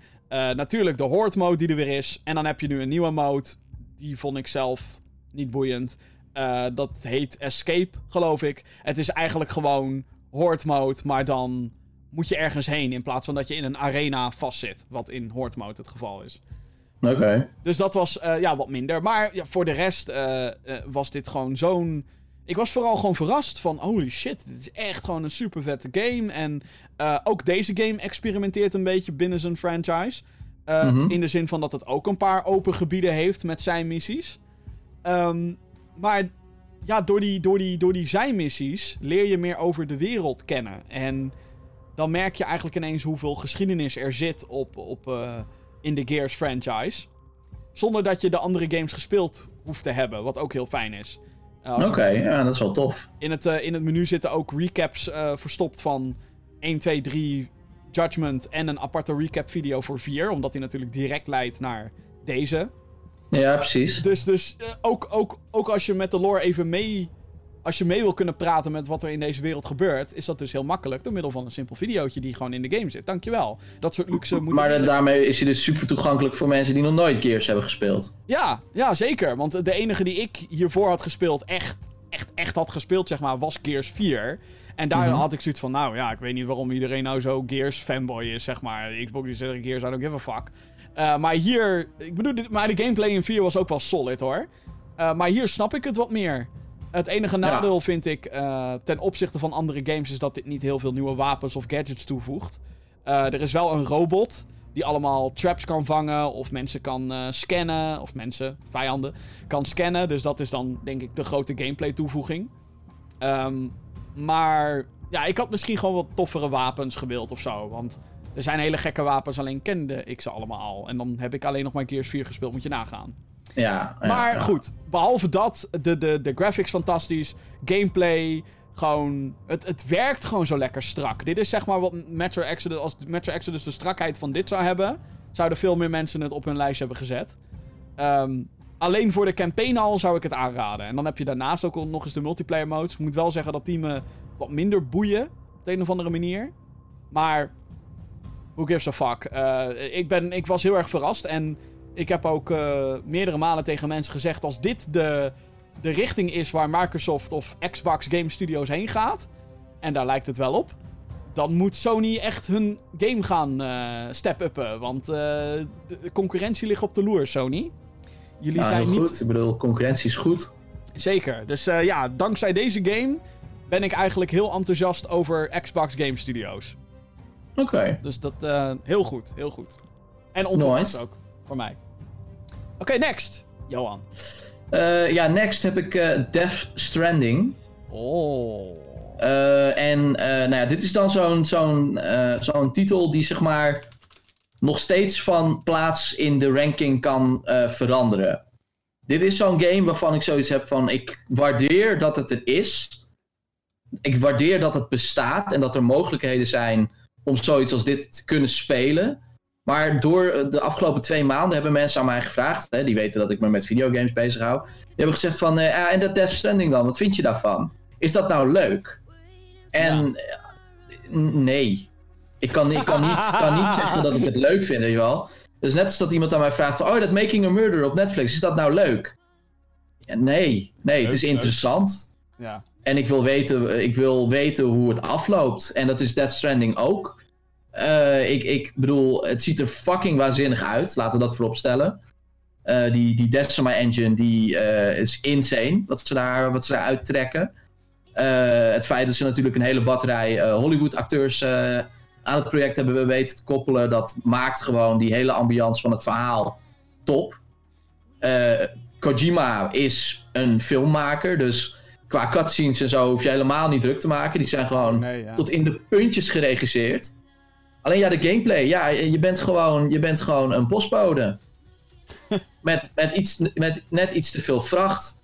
En eh, wat, wat dan wel tof is, dan heb je natuurlijk een soort van... Het feit dat je moet gaan eh, balanceren met wat je dan allemaal op je rug hebt. En dat je dan kan struikelen en zo. En dat zeg maar, dat het eigenlijk niet eens meer gaat om van punt A naar B te komen. Maar meer hoe je, eh, hoe je daar komt.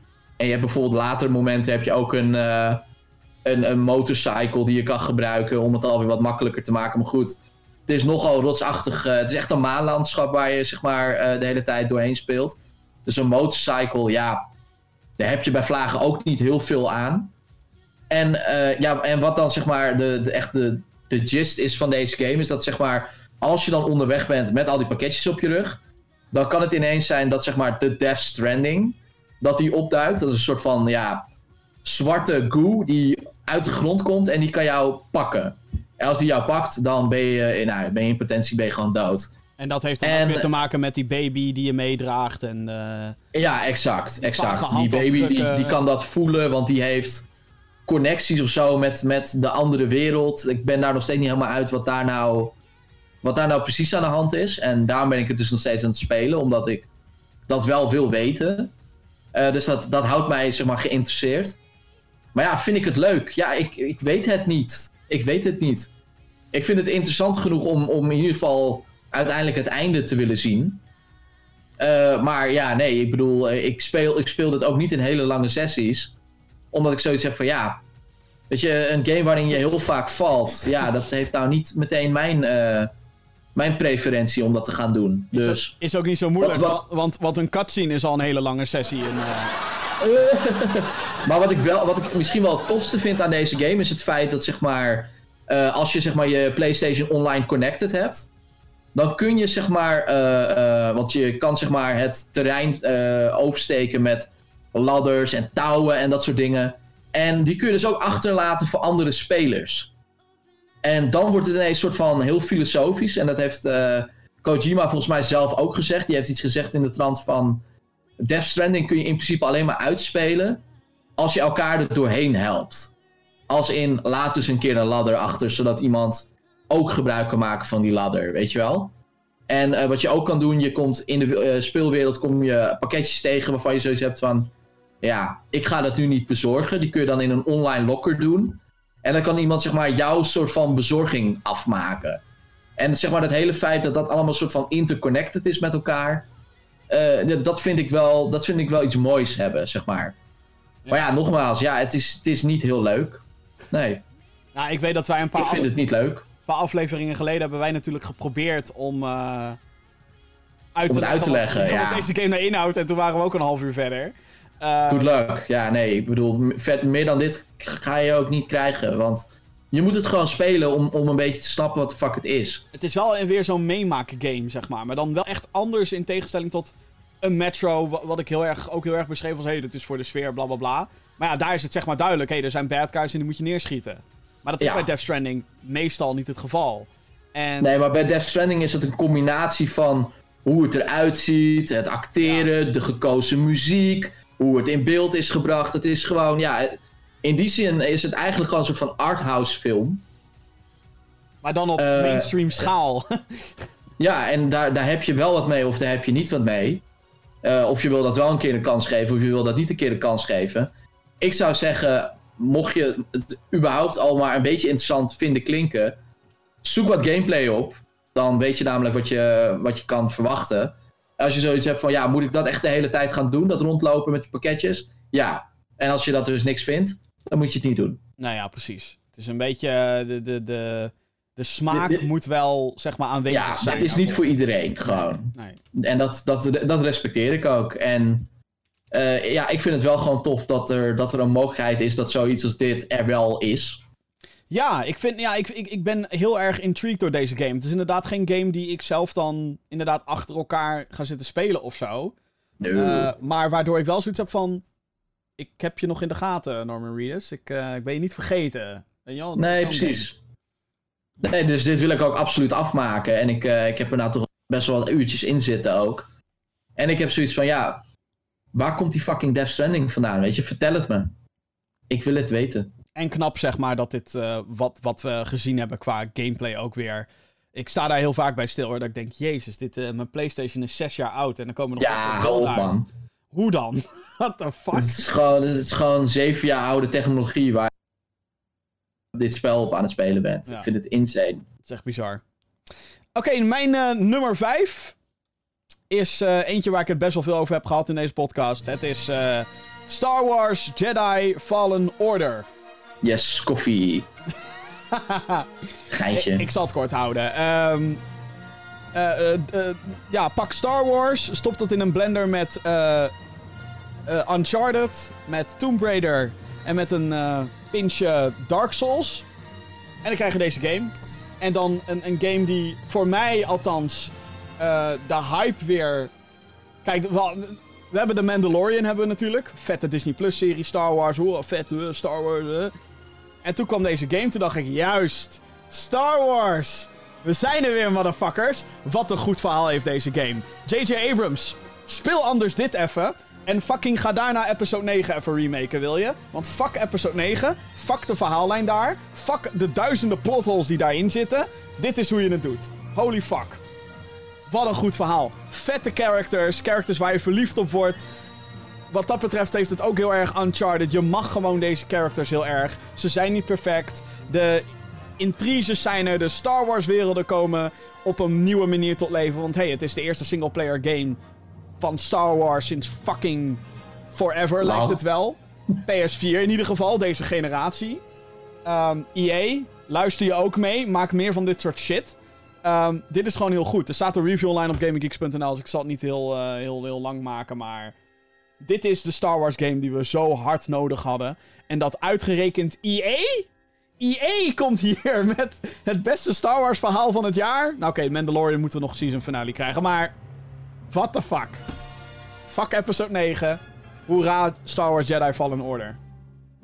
Ja, ik ben ook wel nieuwsgierig naar deze hoor, moet ik zeggen. Oh, ik dacht dat je hem al gespeeld had, joh. Ik dacht dat je nee, nee, nee, nee, nee, nee. Oh, nee. nou, bij deze. Nee, dit, dit is zo eentje die staat op het soort van het lijstje van gemist.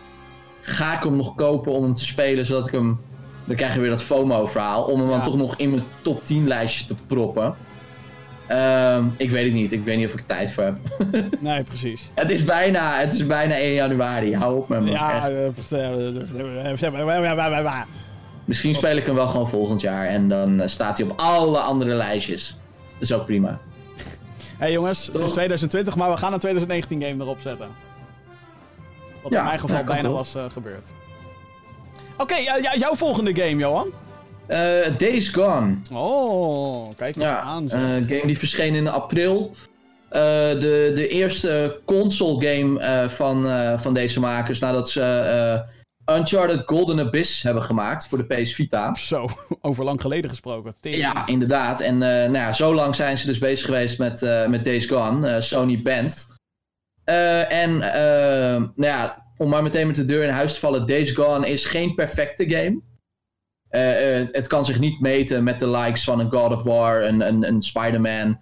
Eh, nou ja, die, de les ik niet eens noemen, want nothing compares. Uh, maar het is wel gewoon een leuke soort van open world uh, action game. Met een leuke gimmick. Want het speelt zich dus af in een wereld die naar de klote is. er is een soort van virus uitgebroken en mensen veranderen in een soort van ja, vleesetende zombies. Freakers in dit geval. En daar zit sowieso al een leuke mechanic, want ze spelen met dag- en nachtcycli. dus uh, s'nachts worden ze veel agressiever dan overdag. en ja, het is, gewoon, het is gewoon een prima game. Alleen wat, wat het probleem vooral was met deze, is de performance. Ik heb hem dan gespeeld op de normale PS4 en zelfs ook op de PS4 Pro. En ja, eh, bij vlagen kakt hij gewoon helemaal in. En dat is gewoon jammer. Uh, omdat je, dat verwacht je niet van een, van een Sony product. Ik besef me ineens dat ik een game gewoon niet in mijn lijstje heb gezet die daar echt hoort te staan. Maar Goed, dit is niet mijn definitieve lijstje, dus dat komt goed uit. Ik ga hem wel even meteen even opschrijven, want het gaat mis. Welke is het? Welke is het? Ja, het is Concrete Genie natuurlijk. Ah. Die andere Sony-titel. Ah. Uh, die verdient absoluut een plekje, vind ik. Maar nee, uh, terugkomend op Days Gone. Ja, weet je, het vertelt gewoon het, een interessant verhaal. Tot eigenlijk tegen het einde. Da daar, daarna wordt het verhaal echt compleet fucked up. En dat is ook eigenlijk de reden dat, dat deze game waarschijnlijk daardoor nog lager in een ranking komt. Want uh, verhaal is wel iets wat uh, in ieder geval voor mezelf als speler door de jaren heen steeds belangrijker is geworden. Ik bedoel, uh, gameplay is belangrijk, maar ik wil ook iets spelen waarvan ik zoiets heb van oké, als ik dat dan heb gedaan, dan voel ik een soort van hè, gevoel van oh ja, lekker. En hier ging dat eigenlijk wel goed. Tot een bepaald moment in het verhaal. En toen dacht ik, oké, nou snap ik echt geen fuck meer van. um, maar ja, gameplay is voor de rest gewoon solid. Ik bedoel, ze spelen met dat idee van swarms. Dus dan komt er echt zo'n hele groep met freakers komt op je af. En uh, die moet je dan, uh, dat zijn hordes trouwens, die, uh, en die moet je dan kapot maken. En dat, ja, dat is gewoon wel leuk. Ik heb deze game ge 100%. Dus ik denk dat oh, dat wel zegt over dat, hoe leuk ik het vond. Het is gewoon een leuke wereld om in rond te rijden. En uh, ja, verdient daarom wel een plekje ook in uh, de 2019 ranking. Ja, want zover ben ik niet. En uh, jeetje. Nou ja, ik bedoel, als je hem hebt uitgespeeld, laten we dan alsjeblieft over het verhaal hebben. Want dit kan niemand zijn ontgaan, namelijk. Er zit gewoon iets heel raars in. Oké, nou ja, dat is wel jammer eigenlijk. Ja, dat is heel jammer. Ja, maar ja, ja ik, ik, ik heb nog niet heel veel gespeeld, omdat ik het op dat moment ook. Het is natuurlijk altijd timing of iets wel of niet doorspeelt. Mhm. Maar uh, er waren inderdaad een paar dingen dat ik dacht. Mm, mm, mm. En een groot deel had daarvan te maken met. Um, dat ik het hoofdpersonage een beetje een stereotype vond. En goed, eh, stereotypen zijn eigenlijk onvermijdelijk in, in, in games en in elke vorm van media trouwens. Mm ik bedoel, kijk naar mij, Gamer Geek, hallo. Um, maar uh, ja, ik weet niet. Op, op de een of andere manier had ik zoiets van. Ga terug naar die flashbacks, want daar zaten interessante verhaalstukken in. Ja, zo, ja nee, ik, ik, ik, snap wel wat je bedoelt. Maar hij wordt gelukkig ook nog omringd door andere personages die zeg maar wel wat meer gelaagdheid uh, en diepte hebben. Ja. ja, en ik was een beetje turned off door het feit dat je motor binnen 5 minuten geen benzine meer heeft. Terwijl, ja, ja, je moet inderdaad wel je motor moet je een beetje bijhouden. Maar ja, goed, aan de ene kant... Uh... En die, die, tank wordt ook groter, hè? Dus uiteindelijk is het helemaal, een, helemaal geen issue meer. Dat is waar. Ja, maar in het begin is dat een beetje... Voor mij, voor mij was dat een beetje zo'n afhaakmoment. Ik dacht, ja, godsamme... Moet ik nou serieus de hele tijd me druk gaan maken over of, me, of, of ik wel genoeg benzine heb? Flikker erop, ik wil... Uh... Nou, als je hem weer oppakt, doe, doe mij en jezelf vooral een lol. Zorg dat dat ding gewoon vol blijft. Want als je in één stuk moet gaan lopen... en je komt zo'n zo'n hoort tegen, dan, uh, dan ben je niet vrolijk. Nou, ik moet dus wel zeggen dat ik dat hoort gebeuren dus wel echt super vet vind. Um, ja, nee, maar dat is echt tof gedaan. Ik weet nog, ik liep op een gegeven moment, liep ik, uh, omdat ik dus geen benzine meer had, liep ik naar een soort van uh, schuurtje. En ineens hoorde ik een geluid. En ik denk, oké, wat de fuck hoor ik? Breekt gewoon die hele muur open. Al die freakers om me af. Ik denk, holy fucking shit. Ja. Nou, uh, ik ben daar natuurlijk gewoon op dat moment dood gegaan. Ja, moet je dus nagaan wat ze met een eventuele sequel, die denk ik wel in ontwikkeling is, op een PlayStation 5 kunnen doen met ja, Twice the Power. Uh, kom maar door. ja, nee, dus uh, ja, en, uh, echt, echt wel een leuk spelletje. Nou, super. Weet dat het ook meteen weer. Ga dat spelen. Gaat, ga, gaat het zien, mensen. Gaat het zien. Oké, okay, voor mij nummer 4 zijn we inmiddels beland. voor mij staat op nummer 4. deze had je misschien wel kunnen verwachten. Borderlands 3. Ja. Borderlands, eh, eh, een, een, een, eigenlijk is dat de franchise die de, de looter-shooter een beetje heeft uitgevonden tien jaar geleden. En, ja, zij eh, waren eigenlijk wel de eerste. Ja, en ehm, we hebben heel lang moeten wachten op, op deze game. Want deel 2 kwam uit in 2012 en een soort van tussenvervolg die, let- die letterlijk ook de pre-sequel heet. die, die kwam uit in Grappig. 2014, dus we hebben sowieso vijf jaar moeten wachten. En eh, ja, is dat het wachten waard geweest? Nou, eh, ja. Voor een merendeel wel, want als deze game iets doet, dan is dat gewoon weer lekker ehm, laten zien en laten voelen. Want het is vooral het spelen natuurlijk. Waarom Borderlands zo ontzettend leuk is. Ehm, het is, eh, denk ik, de looter shooter die alle andere looter shooters proberen te zijn. Het is een hele cartoony wereld. Je knalt mensen kapot, je krijgt betere wapens en knallen maar. En het zijn de wapens die een beetje de show stelen hier. Moet ook wel, want al hun andere RPG-systemen zijn een beetje... eh, eh, je hele skill tree bestaat bijvoorbeeld uit... Oh ja, plus 2% damage, plus 5% reload speed. Yay. Dat is niet leuk. Oké? Ik wil leukere skill trees hebben. Ik wil iets kunnen unlocken wat ik echt tof vind. Maar goed, het gaat dus om... Borderlands 2 was toch die game met eh 101.000 miljoen wapens of zo? Ja, nou, dat is dit dus ook. Oké. Eh, dus het is echt, elk wapen wat je oppakt heeft gewoon de potentie om, eh, om net een beetje anders te zijn dan de ander. Eh, er zijn, de manier hoe het is ingedeeld is dat er een paar wapenfabrikanten zijn. Dus dan heb je bijvoorbeeld Mhm. één wapen dat is super science fiction. En elk wapen van dat merk dat doet helemaal niet wat het eigenlijk behoort te doen. Dus een pistool is eigenlijk gewoon een fucking submachine gun. En een shotgun dat fungeert eigenlijk als een soort sniper rifle. Beetje dat, maar het gebruikt wel een type ammo. En dan heb je bijvoorbeeld een merk zoals Jacobs. En dat heeft een soort steampunk stijltje. En dat is dus heel traditioneel. Hè? Die hebben dan een revolver en die werkt ook exact zoals een revolver. Maar de schietactie in deze game is zo lekker in elkaar gezet. Oh, het voelt gewoon heerlijk om, om alle verschillende type aliens en, en dudes en gespuis en whatever. Het voelt zo ontzettend goed. En heb je daarnaast dus ook nog eens al die gekke effecten die die wapens kunnen hebben. En wat ik nu noemde is heel basic. Maar je hebt dan wapens die een turret worden als je ze gooit. Omdat dat de manier is om te reloaden.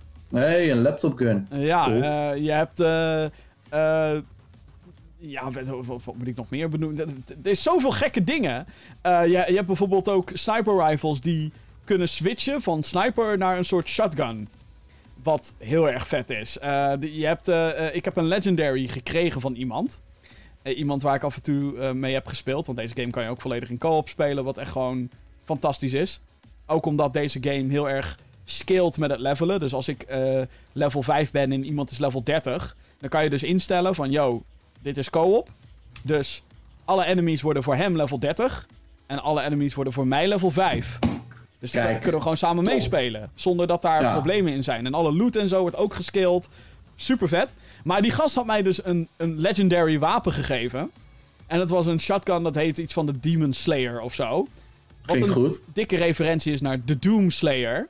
En het is Eh. dus een double-barreled shotgun die elke keer als je hem afvuurt, geeft hij een soort rockgifje à la Doom. Dat soort shit. Cool. Het is echt, het is bizar, maar wel heel erg leuk. Ik vond sommige dingen niet heel sterk gedaan. Eh, het verhaal was gewoon niet zo boeiend als deel 2. Eh, je mist gewoon echt Handsome Jack wat dat betreft. En niet, zo, niet dat ik Handsome Jack terug wil, want hij is dood.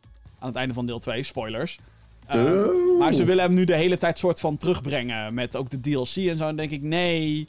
Hij, eh, laat hem gewoon gaan. Maar bedenk alsjeblieft een nieuw tof personage. En dat is er niet gelukt. Helaas. Niet iets wat tot dat niveau kan komen. Eh, de performance was ook een beetje choppy op PC. Ehm, maar ja, verder dan dat. Ja, eh, het, het, het is, meer, het is weer, gewoon weer meer Borderlands. Maar dan wel strakker en grootser. En net iets gekker dan deel 2. En ik denk dat dat, dat is gewoon exact wat liefhebbers van Borderlands Wilde wilden- hebben. Wilden hebben. En ik denk dat ze dat hier gewoon hebben gekregen. Heb je nou Ja. nog nooit een Borderlands game gespeeld, dan raad ik ook wel aan om dit te spelen. Omdat dit gewoon... Borderlands 2 voelt qua gameplay nu een beetje ouderwets aan qua schietmechanieken en zo. Oké. Ehm, een be- beetje ha- hakkelig, houterig. Maar vroeg, vroeger konden we dat gewoon makkelijk die game vergeven, omdat de rest gewoon zoveel fun was. Maar nu is dat ook nog eens goed, dus... En story-wise kun je gewoon bij drie instappen ook? Ja, het kan wel. Misschien dat je een beetje context mist van sommige characters. Er zijn een paar referenties natuurlijk naar personages uit 1 en 2. Ja, Ehm, precies. Maar ik denk niet dat het je heel, ik denk niet dat het heel erg je plezier in deze game kan eh, verpesten. Oké. Misschien is het handig om een soort recap video op YouTube te kijken of zo. Ja, nou ja, dat kun je natuurlijk altijd doen.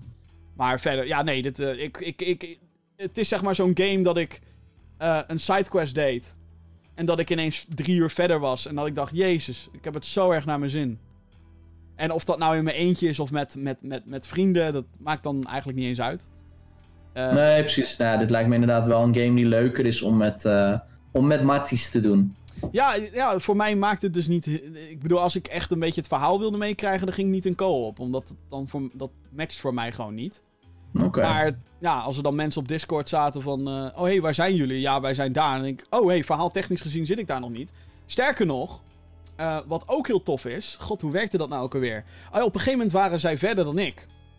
En Ja. eh, als jij dan weer in je eentje gaat spelen... of in een game gehost door jou... kan je dus ook weer zeggen... hey, eh, markeer dit maar als completed... omdat je het al hebt gedaan in een co-op game met iemand anders. Of... Nee, markeer het niet als completed, want dan kan je bijvoorbeeld het verhaal nog een keertje doen. Oké. Wat dat Dat, is wel betreft- dat is wel interessant. Wat dat betreft hebben ze bijna overal over nagedacht, lijkt het wel. Dus eh, het enige wat er niet in zit is crossplay. Ik denk dat dat echt de enige multiplayer optie is. God damn it. en en ja. geen PvP, maar daar is die game ook helemaal niet voor gemaakt. Dus, eh, wat Nee, betreft, precies. Ja, tof. Borderlands 3. Cool, cool, cool. Go play. Johan, next. Luigi's Mansion 3. Yay! Een Hey. Nintendo game. Een game waar ik eindelijk, eh, eindelijk weer een beetje. waar ik eindelijk de tijd voor had. Ik heb een, eh, volgens mij ben ik twee weken geleden of zo ben ik, eh, ben ik begonnen hiermee. Toen hebben we hem ook kort even aangestipt in de podcast. Maar ja, omdat er al zoveel gezegd is over Luigi's Mansion 3. Er staat zelfs een review op gaminggeeks.nl. eh, hebben we het toen een beetje kort gehouden. Maar ja, ik zei het toen ook al. Het is gewoon, eigenlijk wat jij net ook al zei over Zelda. Het is gewoon echt een Nintendo game. Gewoon Alleen wat, wat Luigi's Mansion dan nog beter doet dan Zelda, is de performance. Want echt insane. Volgens mij, volgens mij heb ik geen enkel dipje gehad met Luigi's Mansion 3. Dat ding dat draait zo loopzuiver. Dat is echt bizar. En dan ziet het er ook nog eens leuk uit. En dan is het ook nog eens gewoon een leuke game. Hè? Gewoon die spookjes opzuigen en gewoon alles, eh, alles een beetje ontdekken in die, eh, in die verschillende werelden. Want je verkent nu een hotel. Eh, dus je ver- verkent zeg maar alle verdiepingen. En eh, ja, het is gewoon zoveel charme. Ja, die heb ik eigenlijk niet meer gezien sinds ik in 2017 eh, Super Mario Odyssey speelde. Oh, wauw, ja. Ja, Ja, ik het is vind gewoon echt, echt die Nintendo charme. Dit is zo'n game die, waarvan ik denk, fuck, waarom is er niet meer tijd, weet je? Wat, weet je wat zo tekenend is? Ik heb voordat ik Luigi's Mansion 3 ging doen, heb ik eh, Pokémon Sword and Shield gespeeld. oh, En als je dan zeg maar ziet hoeveel leven er zeg maar zit in de personages in Luigi's Mansion, die eigenlijk ook geen voice acting hebben, maar gewoon dingen doen met mimiek en met kleine, kleine soort van herkenbare geluidjes. En als je dan kijkt naar Pokémon, dan denk je van jezus, dat Pokémon is echt, echt een dood product. Er zit gewoon echt geen leven in. Nee, maar echt. Ah, oh, wauw. Ja, nee, maar dat is echt zo. En dat, dat is gewoon zo pijnlijk als je, dat, als je dat dan ineens beseft. Dat je denkt van, oh ja, want ze hadden ook gewoon wel iets kunnen doen met een soort van... eh, weet je wel, eh, gewoon dat een, een trainer iets zegt van, oh, let's go. Of eh, I choose you. Of iets van een vorm van, van iets meer leven in die game. Maar dat zit er gewoon niet in. En in Luigi's Mansion gelukkig wel. Dus dat is gewoon een heel, een heel leuk spelletje. Ja, ik hoor echt alleen maar goede verhalen over deze game. Dat is echt bizar eigenlijk. Family Game of the Year, hè? Volgens de Game Awards, ja. Ja, ja, ja. ja. Nee, Nou, ik zeg nou niet dat je dit met je familie moet gaan spelen, maar eh, want het is ook hartstikke leuk om in je eentje te doen. Maar ja, eh, die award is natuurlijk gewoon eh, dubbel en dwars terecht. Het is gewoon echt een leuk spel. Nou, ze hebben wel onlangs nog multiplayer DLC aangekondigd, geloof ik. Ja, klopt inderdaad. Ja, en dan moet ik wel zeggen dat ik eigenlijk niet multiplayer op mijn Switch. Helemaal niet. Ik heb dat abonnement niet en ik heb ook niet de behoefte om zo'n abonnement nu te nemen, omdat ik de meerwaarde daar niet van zie. Eh, maar ja, eh, inderdaad, eh, er, ko- er komt zelfs nog meer content aan voor, voor Luigi's Mansion. En volgens mij zijn die multiplayer modi zijn ook best wel leuk. Oké, nou, dit, dit, dit, is, ja, dit is gewoon een Switch game die ik nog ooit een keer moet gaan inhalen. Maar ja, dit... ja, weet je, jij hebt Astral Chain gespeeld en die heb ik niet gespeeld. Die had ik willen spelen, ja. Nee, precies. Dat is ook alweer zo. Maar ja, You win some, you lose some. dat klopt ook alweer. Ja, ja zeker. Oké, nou, eh, next voor mij. eh, en dit is dan nummer 3 op mijn lijst. Ik heb ze daadwerkelijk gerankt. Ehm, ja, ik kan. Ik, Godsamme, wa- waarom doe ik dit? Maar het is Call of Duty Modern Warfare. Zo laag. Jim zet een Call of Duty game in zijn top 3. Wat de Jezus, oké. what the fuck is er gebeurd? Nou, vertel, want ik heb nog niet genoeg gehoord over Call of Duty Modern Warfare. Nee, echt niet? Nou, Nee, echt ja, niet. Nee, vertel me alles. het is een first-person shooter. Nee. Een eh, first-person shooter gemaakt door uh, nou, uitgever Infinity. Ward? Infinity Ward. Je kan ze misschien kennen van Call of Duty. Call of Duty 2, Modern Warfare. Call of Duty, Call of Duty. Ja. Modern Warfare 2, Modern Warfare 3, eh eh, Scheid Ghost, Scheid Infinite Warfare. Maar dit keer eh, ja, slaan ze best wel hard terug met Call of, Call of Duty Modern Warfare 2019. Ehm, ja, dit is echt de eerste keer dat ik een gloednieuwe Call of Duty game oprecht heel erg tof vind. En waardoor komt dat? Ik weet niet. Ik heb een soort haat-liefdeverhouding met deze game. Want er zijn Je momenten... probeert het elk jaar weer. Eh, Dat ook. eh, maar specifiek met deze game zijn er gewoon momenten dat ik alles en iedereen echt helemaal verrot scheld. Het is echt niet normaal eigenlijk. Ehm, maar dat komt omdat ik gewoon heel graag wil winnen. En ehm, er is iets. Er zijn een bepaalde elementen in deze Call of Duty game die het ontzettend goed doet. Ik bedoel, de schietactie is. Ik bedoel, die is eigenlijk altijd al goed geweest in Call of Duty. Ehm, alleen het probleem met Call of Duty de laatste paar jaar natuurlijk is geweest dat ze steeds meer bovenop die basis gooien. Waardoor het een beetje zijn plaatje verloor. Ja. Dus bij Infinite Warfare waren er, was er jetpacks, wallrunning en... eh, en ja. Terwijl voor de rest niks daarop aangepast was. En Black Ops 4 viel ook een beetje in die, in die valkuil. Omdat dat weer ineens Overwatch-achtige personages had en dat soort shit. En de time to death was daar ineens een stuk hoger dan in andere Call of Duty games. En op zich zou ik daar niet eens wat op tegen hebben dat de time to kill of time to death, whatever, dat dat wat hoger zou zijn. Want dat gaat hier wel echt heel snel. Waardoor je je echt een beetje gaat afvragen: waarom zou iemand ooit een marksman rifle gebruiken als je met een submachine gun dezelfde accuraatheid hebt en sneller mensen kapot kan knallen? Maar goed, dat is misschien ook een skill die ik niet heb. Een beetje accuraat richten, want ik ben soms echt scheef bezig. Nou, soms, heel vaak. Ehm, maar en het belangrijkste in Call of Duty is gewoon map awareness en weten waar mensen potentieel kunnen zitten en daarop anticiperen. Eh, en dan natuurlijk op het juiste moment goed richten. Want als je dat niet doet, ja, als je de hele tijd misschiet, dan gaat er ook niet iets goed natuurlijk. Maar ja, de- deze Modern Warfare, eh, ja, de graphics zijn eindelijk weer een keertje van een upgrade voorzien. Ja, ze hebben, de, de, ze hebben een nieuwe engine. Dat je eindelijk denkt, hè, hè, het voelt niet meer aan als een PS3-game op de PS4. En eh, de, de, de PS3-games voelden aan alsof ze op de PS2 konden zitten. Een beetje zo. Maar ze dachten van, eh, hè, we gaan er bijna uit met deze generatie consoles. Laten we de engine eens updaten. Laten we eens een keertje echt een keertje een upgrade pakken, ja. ja, Het ziet er nog... bijzon- bijzonder. Ja, het is nog niet het niveau van Battlefield natuurlijk, waar het heel veel mee vergeleken wordt en logisch. Ehm, maar het begint wel een beetje die kant op te gaan qua grafische pracht en praal. Nou, het ziet er goed uit hoor. Eh, vooral die details op die wapens ook. En dat, dat level in Londen, holy fuck. Ja, nou, de campaign doet daar natuurlijk nog een extra schepje bovenop. Want, eh, oh ja, de campaign is er weer, dames en heren. Weer een singleplayer campaign. Iets wat ze vorig jaar gewoon compleet hebben geskipt, want geld en redenen. Oké, ja, de, re- de echte reden waarom er in Black Ops 4 geen singleplayer zat, is omdat ze daar wel mee bezig waren, maar was veel te ambitieus en dat lukte toen niet. Eh, en geld. Dus, helaas. Eh, maar nee, hier Oh, zit een dat- singleplayer campaign in. Eh, vond ik heel tof. Dat is nou echt Michael Bay onder de shooters. Mhm. Is het verhaal goed? Het heeft hele heftige momenten, kan ik vertellen. Of dat per definitie goed is, weet ik niet. Maar eh, het, is, het is sowieso. Is weer- subjectief, denk ik. Want ik denk dat ik wel weet wat je bedoelt. Maar ja, dat is denk ik subjectief. Of nou ja, er- zijn, er zijn eh, momenten in het verhaal waardoor je heel erg geconfronteerd wordt met wat er in een oorlog zou kunnen gebeuren. Mhm. En vervolgens gaat de game ineens een hele stereotypische Amerikaanse actiefilm kant op. Waardoor Ja. dat dan weer heel erg eh, niet oprecht overkomt. Ja, dan wordt een maar. beetje teniet gedaan eh, daardoor. Dus, dus het is een beetje eh, wat dat betreft hit of miss. Maar voor spektakel zorg- zorgt het sowieso. En dan heb je Ja. die multiplayer. Ja, kijk, wat, wat, wat deze game echt het allerbeste doet, is gewoon de gunplay zelf. Wat je al Mhm. zegt, die wapens zien er fucking vet uit, maar ze klinken ook zo bruut. En zo goed. Dat je echt gewoon die recoil erbij. Dat is e- je hebt echt het gevoel. En dit, hè, dit gaan die Amerikaanse senatoren niet leuk vinden. Maar je hebt het gevoel alsof je die gun in je handen hebt. En dat, Wat? en dat is iets wat ik echt al een tijd geleden niet meer heb gehad bij een shooter. Kijk, ik zeg natuurlijk niet dat als je de trekker in Call of Duty kan overhalen, dat je dat in real life kan doen, want dat is echt bullshit.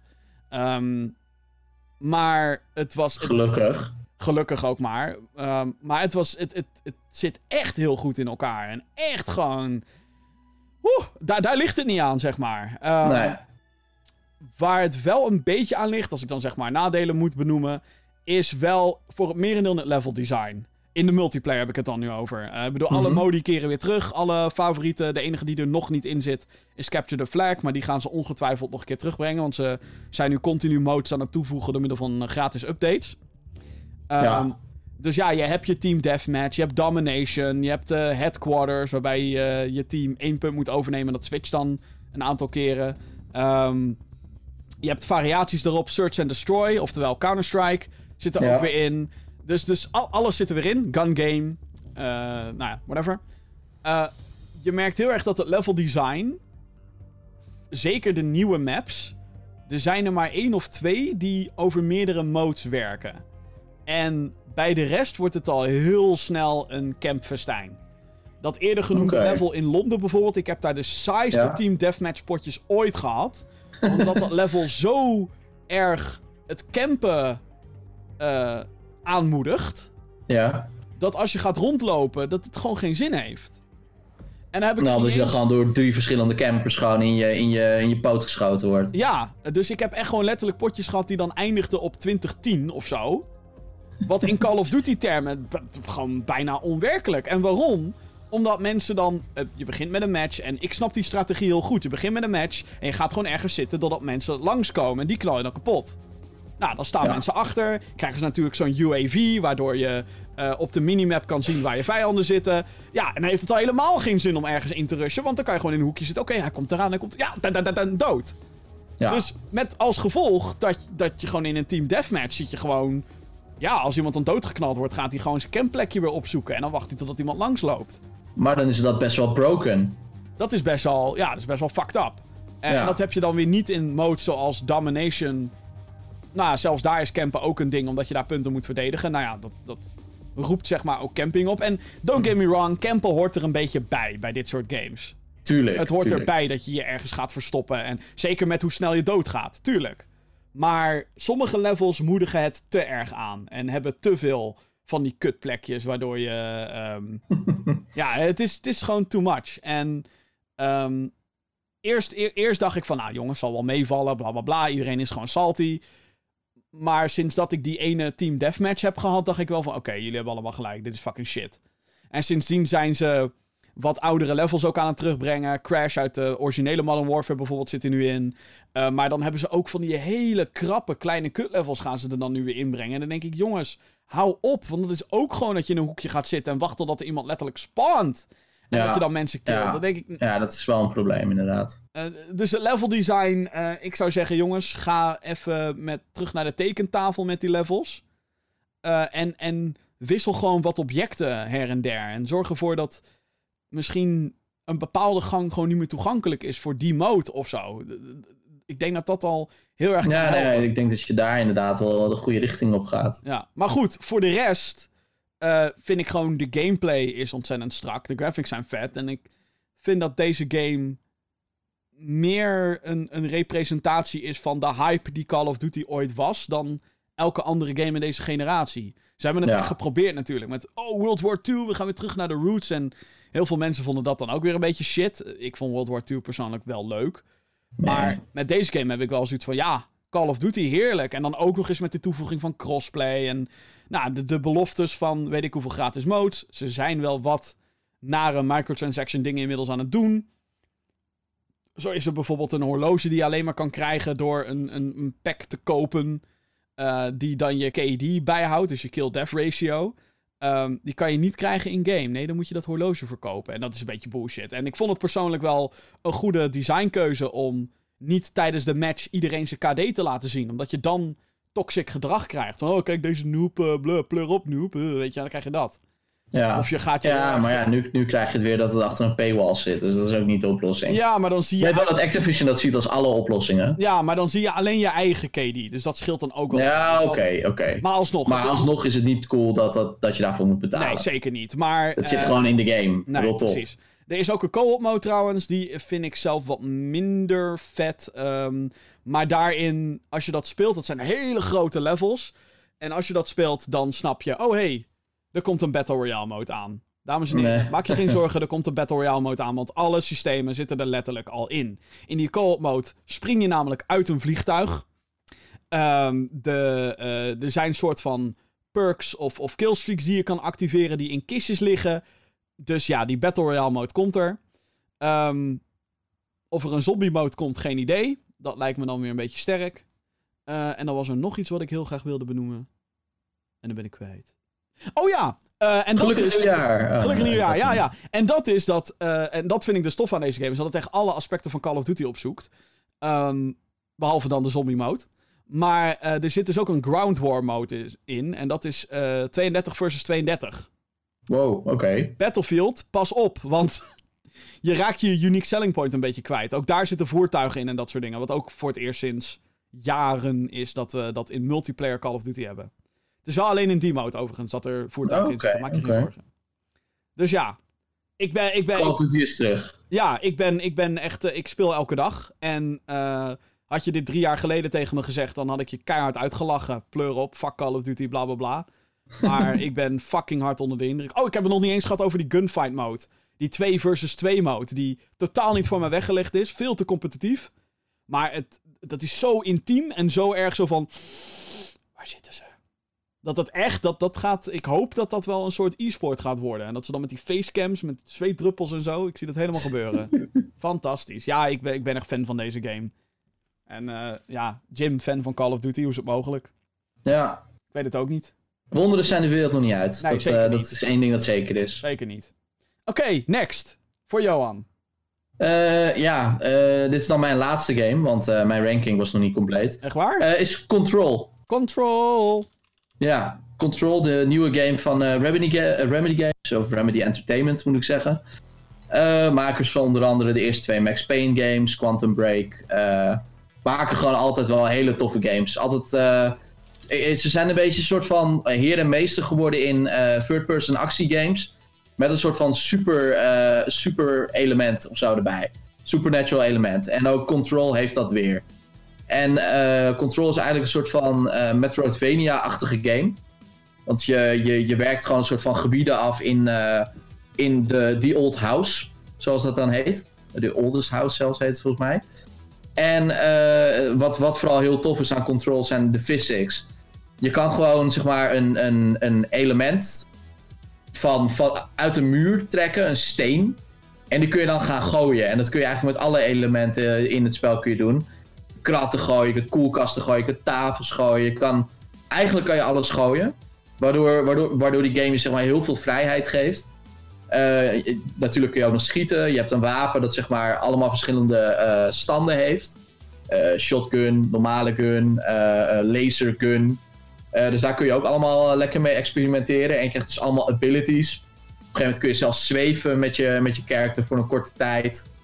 En eh, ja, ondertussen wordt er natuurlijk ook nog een verhaal verteld van... wat de fuck is er nou aan de hand in, in die oldest house. Want er, er duiken dus allemaal soort van ja, demon-achtige dingen duiken erop. En de vraag is even van ja, waarom is dat? Wat Nou ja, dat ga jij dus uitvinden, want jij komt daar binnen en jij bent eigenlijk de, de nieuwe director eh, of ja, Control. En jij moet dat, eh, jij moet dat gaan uitzoeken als, eh, als Jesse Faden. En ja, het, is gewoon, het is gewoon vet. Het is gewoon. Het is super raar, omdat het gewoon. Het is echt een Remedy game, dus dat is echt wel hun, hun handtekening, zeg maar. Maar het werkt gewoon goed. En ja, ik, ik heb die game dus ook helemaal ge 100%. Jezus. Platinum Trophy. Jezus. Uh, in nou, best, wel, uh, best wel een korte tijd ook wel. Uh, ja, ik vond het gewoon super vet. Echt super vet. En ja, deze game heeft gewoon, toen hij uitkwam, en nog steeds denk ik. ja, bij de grote outlets is hij wel bekend. Maar ja, daar moest hij gereviewd worden natuurlijk. De. Maar ik heb hier maar heel weinig mensen over gehoord. Terwijl Control wel echt, echt gewoon een vette game is. En dat zeg ik niet alleen omdat ik het nou heel vet vind. Maar het is, het is niet een goedkoop spelletje of zo, weet je wel. Het is, er zit gewoon... Je ziet gewoon dat er heel veel liefde in is gestoken. In het verhaal, in, in hoe alles beweegt en zo. En ja, het doet mij gewoon een klein beetje zeer dat zeg maar niet meer mensen uh, dit jaar Control hebben gespeeld. Ja, het is een beetje... ja, het, het is zo opvallend. Want dit gebeurt gewoon al bijna tien jaar met deze studio. het is zo kut voor ze eigenlijk. Ja, ja. Terwijl het zijn de makers van fucking Max Payne, weet je wel. Dit zijn geen... Dit zijn geen amateurs die aan de weg aan het timmeren zijn. Ze zijn er al. Nee, helemaal niet. Ze zijn er al fucking lang. Ja. Maar ja, ja ook deze game van, uh, van Remedy die is weer een beetje een soort van... Uh... Ja, Quantum Break was natuurlijk een moeilijke omdat dat een, een Xbox uh, One launch titel was ook. En ja, de Xbox One, die, ja, dat is nou niet echt een heel groot succes geworden. Dus niet heel veel mensen hebben Quantum Break uiteindelijk gespeeld. Oké, fair enough. Uh, maar ja, deze game die kwam ook weer uit voor, uh, voor de PlayStation. Dit was gewoon een multiplatform titel. Dus hè, PC, PS4 en Xbox One, iedereen kan spelen. Alleen ja, op de een of andere manier heeft deze game gewoon niet het, het publiek gevonden. Nou moet ik ook wel zeggen dat er niet heel veel marketing was rondom deze game hoor. Ik vond het een beetje een oh. beetje kaardig. Ik heb echt nergens control gezien. Hmm. Als banner of, of wat dan ook. Het, het, enige wat ik weet is dat ik op Gamescom zat.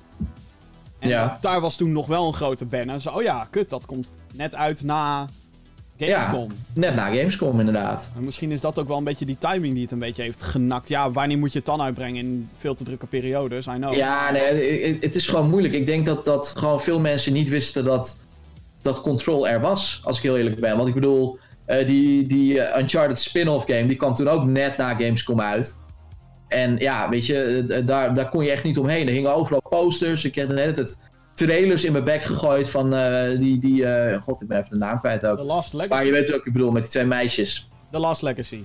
Ja, The Last Legacy. Kon ik echt niet omheen, weet je wel. En ik heb gewoon, qua marketing van Control... Ja, het is dat ik zelf erin geïnteresseerd was. Maar ja, en ik was de doelgroep, maar ik, uh, ik heb het niet ontdekt doordat er zeg maar banners of trailers of wat dan ook uh, op mij afgevuurd zijn. Helemaal niet. Nee, ja. ja de, de, game is nu trouwens in de aanbieding op de Epic Game Store. Oh. Bij mij gaat hij nu wel. En hij is ook al op console, is hij ook al in de aanbieding en dat soort dingen. Dus dan denk ik. Ik, ik hoop dan voor hun sake dat dit zo'n game wordt die ze dan gaan oppakken, weet je wel. Van, oh, hij ja, die dan in Second Life gewoon nog heel goed. Uh, ja, want er is ook nog een heel, een heel post-content, uh, post-release content plan. Uh, waarvan het eerste deel al is uitgekomen vorige week.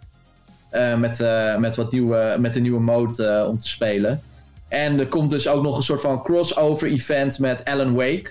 Een andere game die Remedy heeft gemaakt. en daar lijkt het alsof het een soort van shared universe is. En dat alles samenkomt. Ja, fucking vet. Echt vet. Kijk, dat zijn de mooie dingen. Gaan we naar mijn nummer 2. We zijn er bijna, dames en heren. Uh, bear with me. En deze vond ik ook lastig om op de lijst te zetten. Omdat dit een game is die ik eigenlijk nog niet heel veel heb gespeeld. Oh oh. Alleen... Resident Evil 2. Alleen is het... Fucking hell. De hele spanning... hele fucking...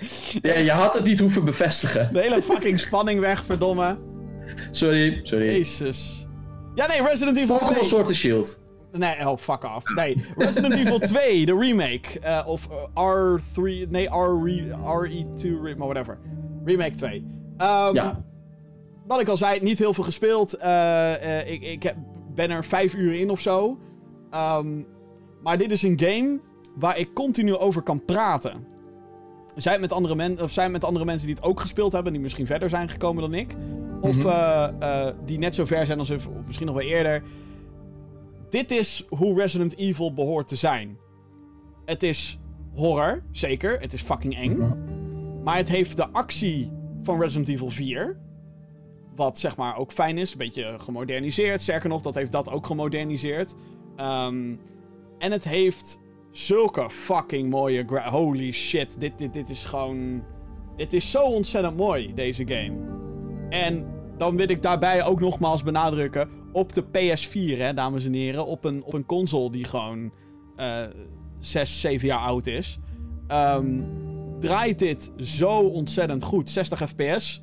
Um, en het, het, het, er zijn zoveel creepy elementen in deze game. Dat je denkt, what the fuck? Dit is zombie game nummer 1403, weet je wel?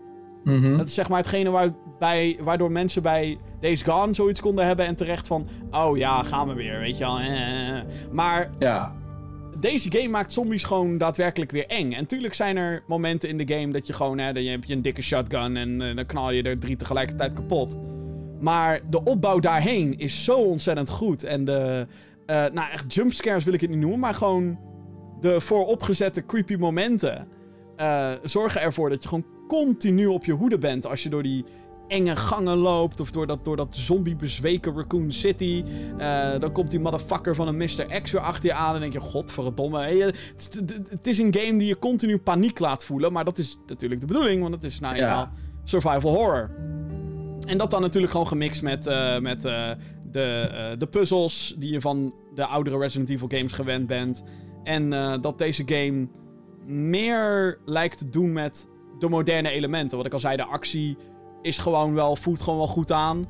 Uh, en de, uh, de kleine RPG-dingetjes die erin zitten. Zo krijg je al best wel snel in het spel krijg je mogelijkheid om je inventory uit te breiden. Nou weet ik echt niet of dat in het origineel zat. Maar halleluja, weet je, dan heb je ook echt zo'n moment van... Oh, halleluja. Ik heb, yes. gewoon, ik heb nu gewoon twee blokjes meer. En dat klinkt super stom, maar je wil niet weten hoeveel comfort dat brengt. Als je ineens twee blokjes, twee items meer met je mee kan nemen. Dat is zo. Oh, ja, zo, ik weet het nog wel hoor. Zo fijn is dat. Oh man. En um, ja, wat ik al zeg, niet heel veel gespeeld, maar eindeloos. Eindeloos kan ik erover doorpraten. Omdat het zo. Zo, zo goed gedaan is. Het is echt Capcom op hun allerbest, heb ik het idee. En ja. Uh, dit is hoe we Resident Evil willen hebben. Uh, sommige mensen zeggen natuurlijk... Ah, ik heb liever first person, zoals Resident Evil 7. Snap ik helemaal. Um, dat zorgt toch wel echt voor een ander soort game, vind ik. Um, en ja, ik bedoel... Als je ooit eraan denkt om een oude game te remaken... Kijk dan naar hoe dit het gedaan heeft. Want dit is hoe je het moet doen namelijk. Het uh, pakt ja. gewoon alles van het origineel... Maar kopieert het niet. Het heeft het echt geremaked. Zodat het aanvoelt als een moderne game. En dat is het ook. Um, ja, fantastisch. Dit is uh, Capcom op zijn allerbest. En dan krijgen we Dus ga je nog wel even afmaken, zeg maar. Ja, zeker. Ja, ja, ja, ja, ja. Ik heb de aankomende paar weken uh, vrij.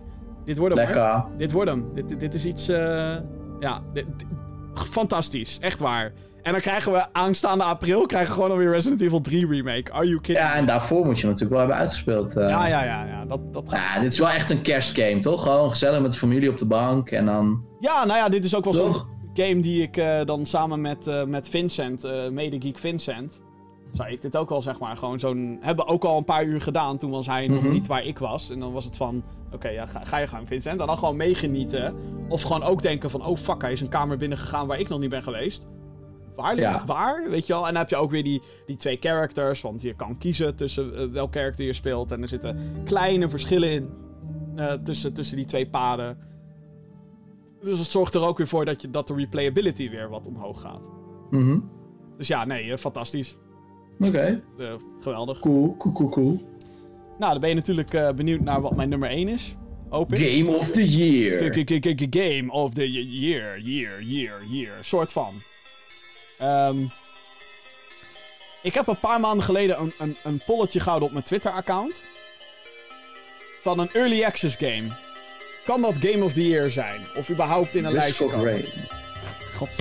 Hou nou op mijn fucking opbouw te verzieken elke keer. Risk Sorry, of, sorry. Risk of Sorry. Rain 2, dames en heren. Een game Oh ja. die technisch gezien nog in early access zit op, de, op, de, op Steam.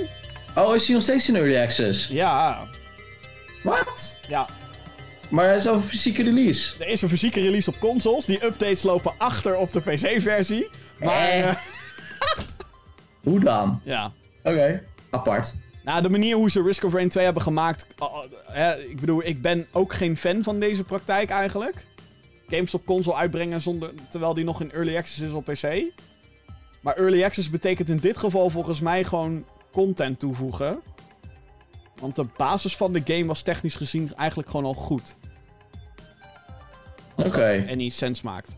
Maar Ah. jezus, Game of the Year, oké, vertel. Ja, Risk of Rain 2 is een roguelike. Dus het is zo'n game waarbij je. ehm, ja, eh, eh, waarbij je met heel weinig begint. En je, je, je wordt steeds sterker door random items die je oppakt. En ehm, eh, Risk of Rain 2 is eigenlijk gewoon een 3D-vertaling van het eerste deel, wat een pixel art game was. Dus je bent op een vreemde planeet. Je speelt als iemand die daar opcrasht of als een alien die daar toevallig al woont. En eh, ja, je moet een teleporter vinden die jou naar het volgende level brengt.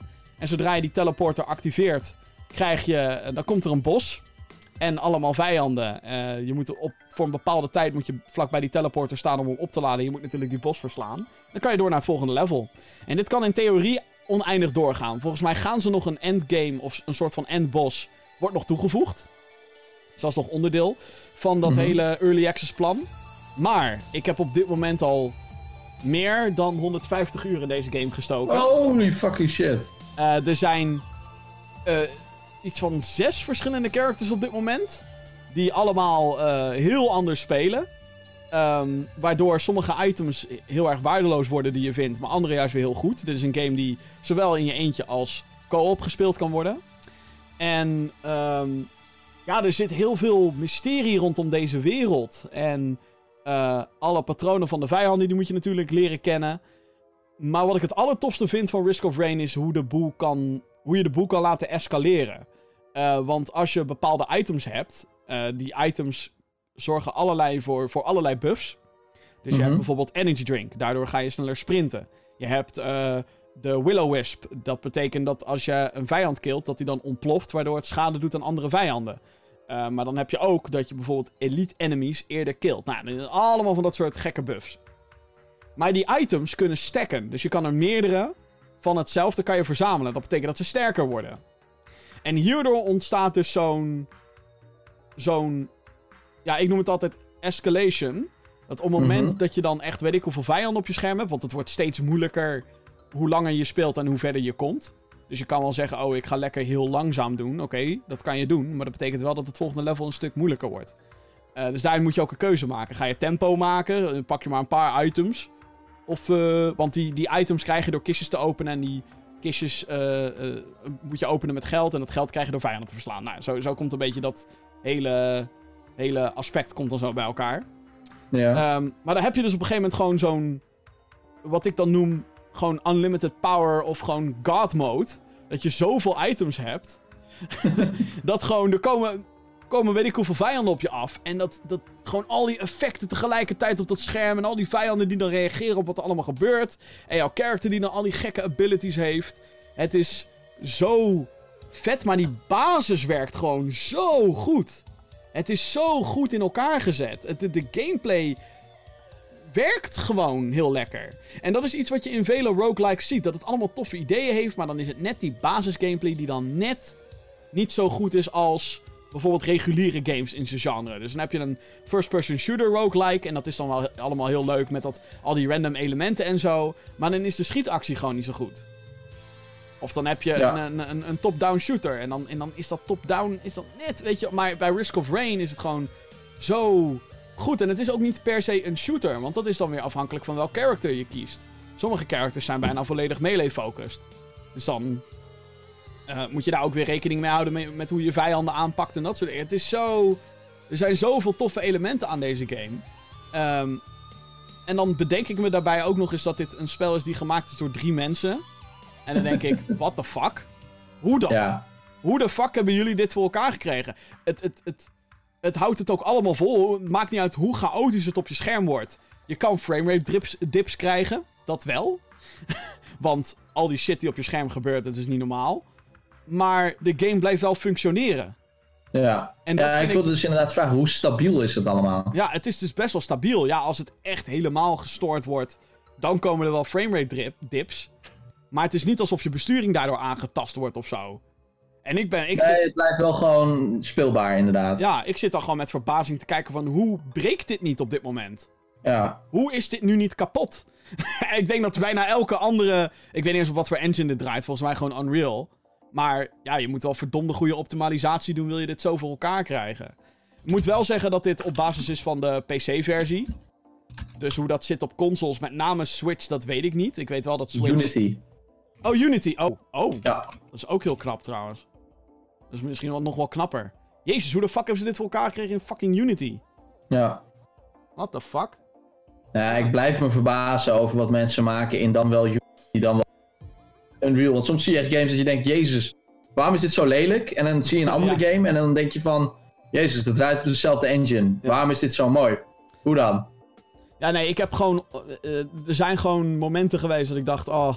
eh, ik heb even zin in niks.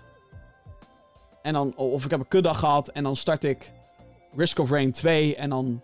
Ga ik even niet voor een doel. Want je kan jezelf, voor jezelf allemaal doelstellen natuurlijk behalen. Elke keer als er een nieuwe update is, is er bijvoorbeeld een, nieuwe charac- een nieuw character. Maar die moet je wel unlocken. Maar hoe dan? Weet je, dat is vaak een mysterie die binnen drie seconden opgelost wordt door het internet. Dus je kan het zo oplossen door het op te zoeken.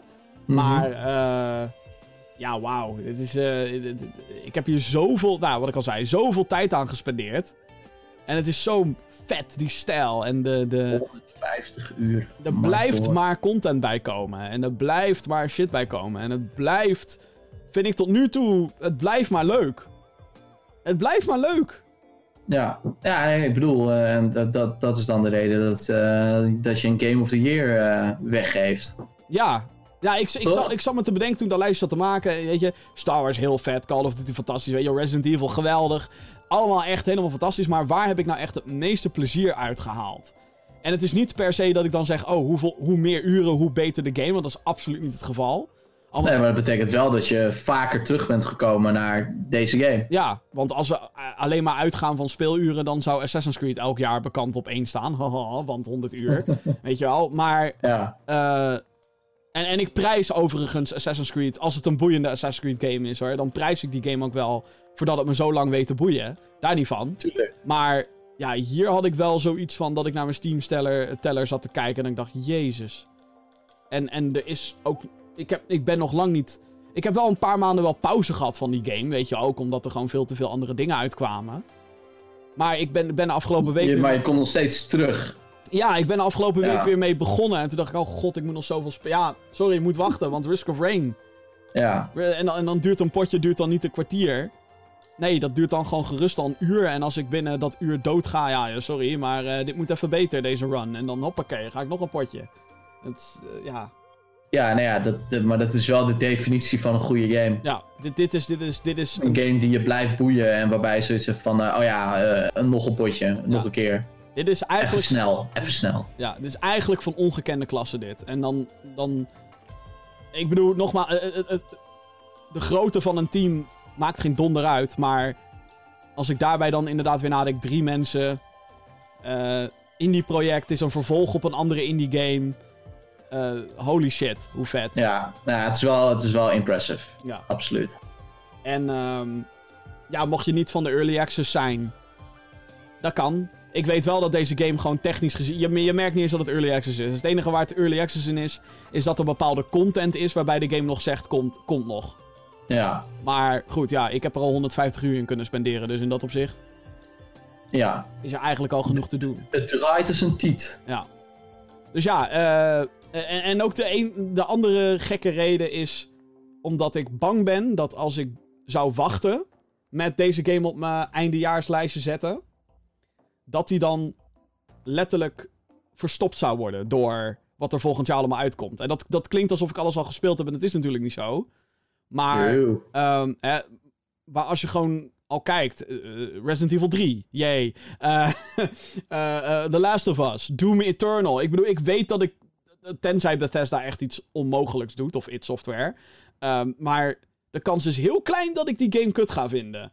Eh, dus, en dan, heb, en dan weten we nog maar de helft, ongeveer de helft van wat er uit gaat komen dit jaar. Ja, dat bedoel ik. Dus ik, Overigens is Risk of Rain nu 14,39 euro op Steam. Kijk, Steam Winter Sale. Ja, nee, ik, ik raad het echt aan. Eh, en ik was dus echt bang dat hij dan zou verdwijnen of zo. Omdat ik er nu al zoveel tijd in heb gestoken. En dat, dat, dat zou ik de game echt niet gunnen. En als ik dan gewoon kijk naar alle games die ik heb gespeeld, dan nogmaals Risk of Rain 2. Fantastisch. Ik geef, het, het onmogelijk is gebeurd dit jaar. Ik heb fucking Call of Duty staat in mijn lijst en een Early Access game. Joh, wat een gek jaar. wat een gek jaar. Ongelooflijk. Dus. Ja, ja. Ah, nou, nou. Ja, Ehm, dat, dat, wa- dat was hem. dat was hem inderdaad. Eh, ik, My god. ik zag nog wel één, één mailtje voorbij komen. Via podcast.gaminggeeks.nl, mocht je deze show leuk vinden. En denk, Twee, toch?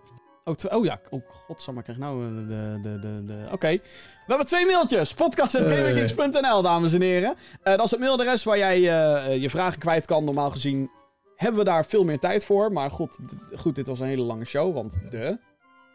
Weet je wel, eh, Games of the Year en zo, heel belangrijk. Wel uitleggen waarom. Anyway, eh, twee mailtjes. Eh, e- eerst is van Stef. Dankjewel voor je mailtje. Podcast.gaminggeeks.nl dus. Beste Jim en Medegeek. Eh nu heb ik pas alle Hallo. novel... Hm? Oh, hallo, zei je, sorry. Nu heb Ja. ik pas alle novels van Assassin's Creed uitgelezen. Hierdoor leer je meer over de lore van het AC-universum. Bijvoorbeeld dat Cassandra kennen is in plaats van Alexios. En dat klopt. Hm. Sterker nog, dat wist ik eigenlijk niet. Maar in mijn ogen is Cassandra altijd kennen geweest. Yes! Cassandra is kennen. Goed zo, Ubisoft. Goed bezig. Hebben jullie wel eens ervaring eh, gehad met transmedia? Zo ja, welke franchise en hoe denken jullie over transmedia? Dus dan hebben we het over boeken, comicbooks, films die aansluiten bij, vraagteken, series, dat soort dingen. Ja, dat soort dingen inderdaad. Nou ja, zoals jij bijvoorbeeld die comics van Life is Strange eh, opgepakt hebt. Yay! Dat is mijn aanrader. Dit.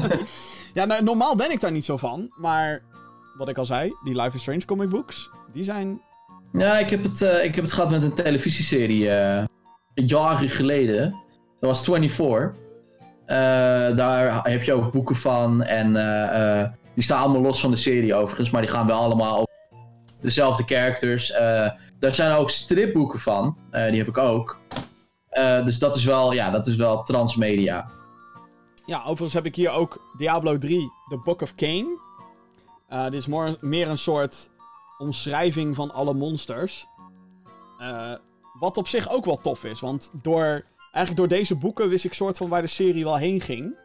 En eh, toen Diablo 4 werd aangekondigd, dacht ik, ah, jullie pakken dat plotpunt. Oké, ja, nee. Is de aankoop van, van, van muziek van, eh, van games, is dat ook transmedia?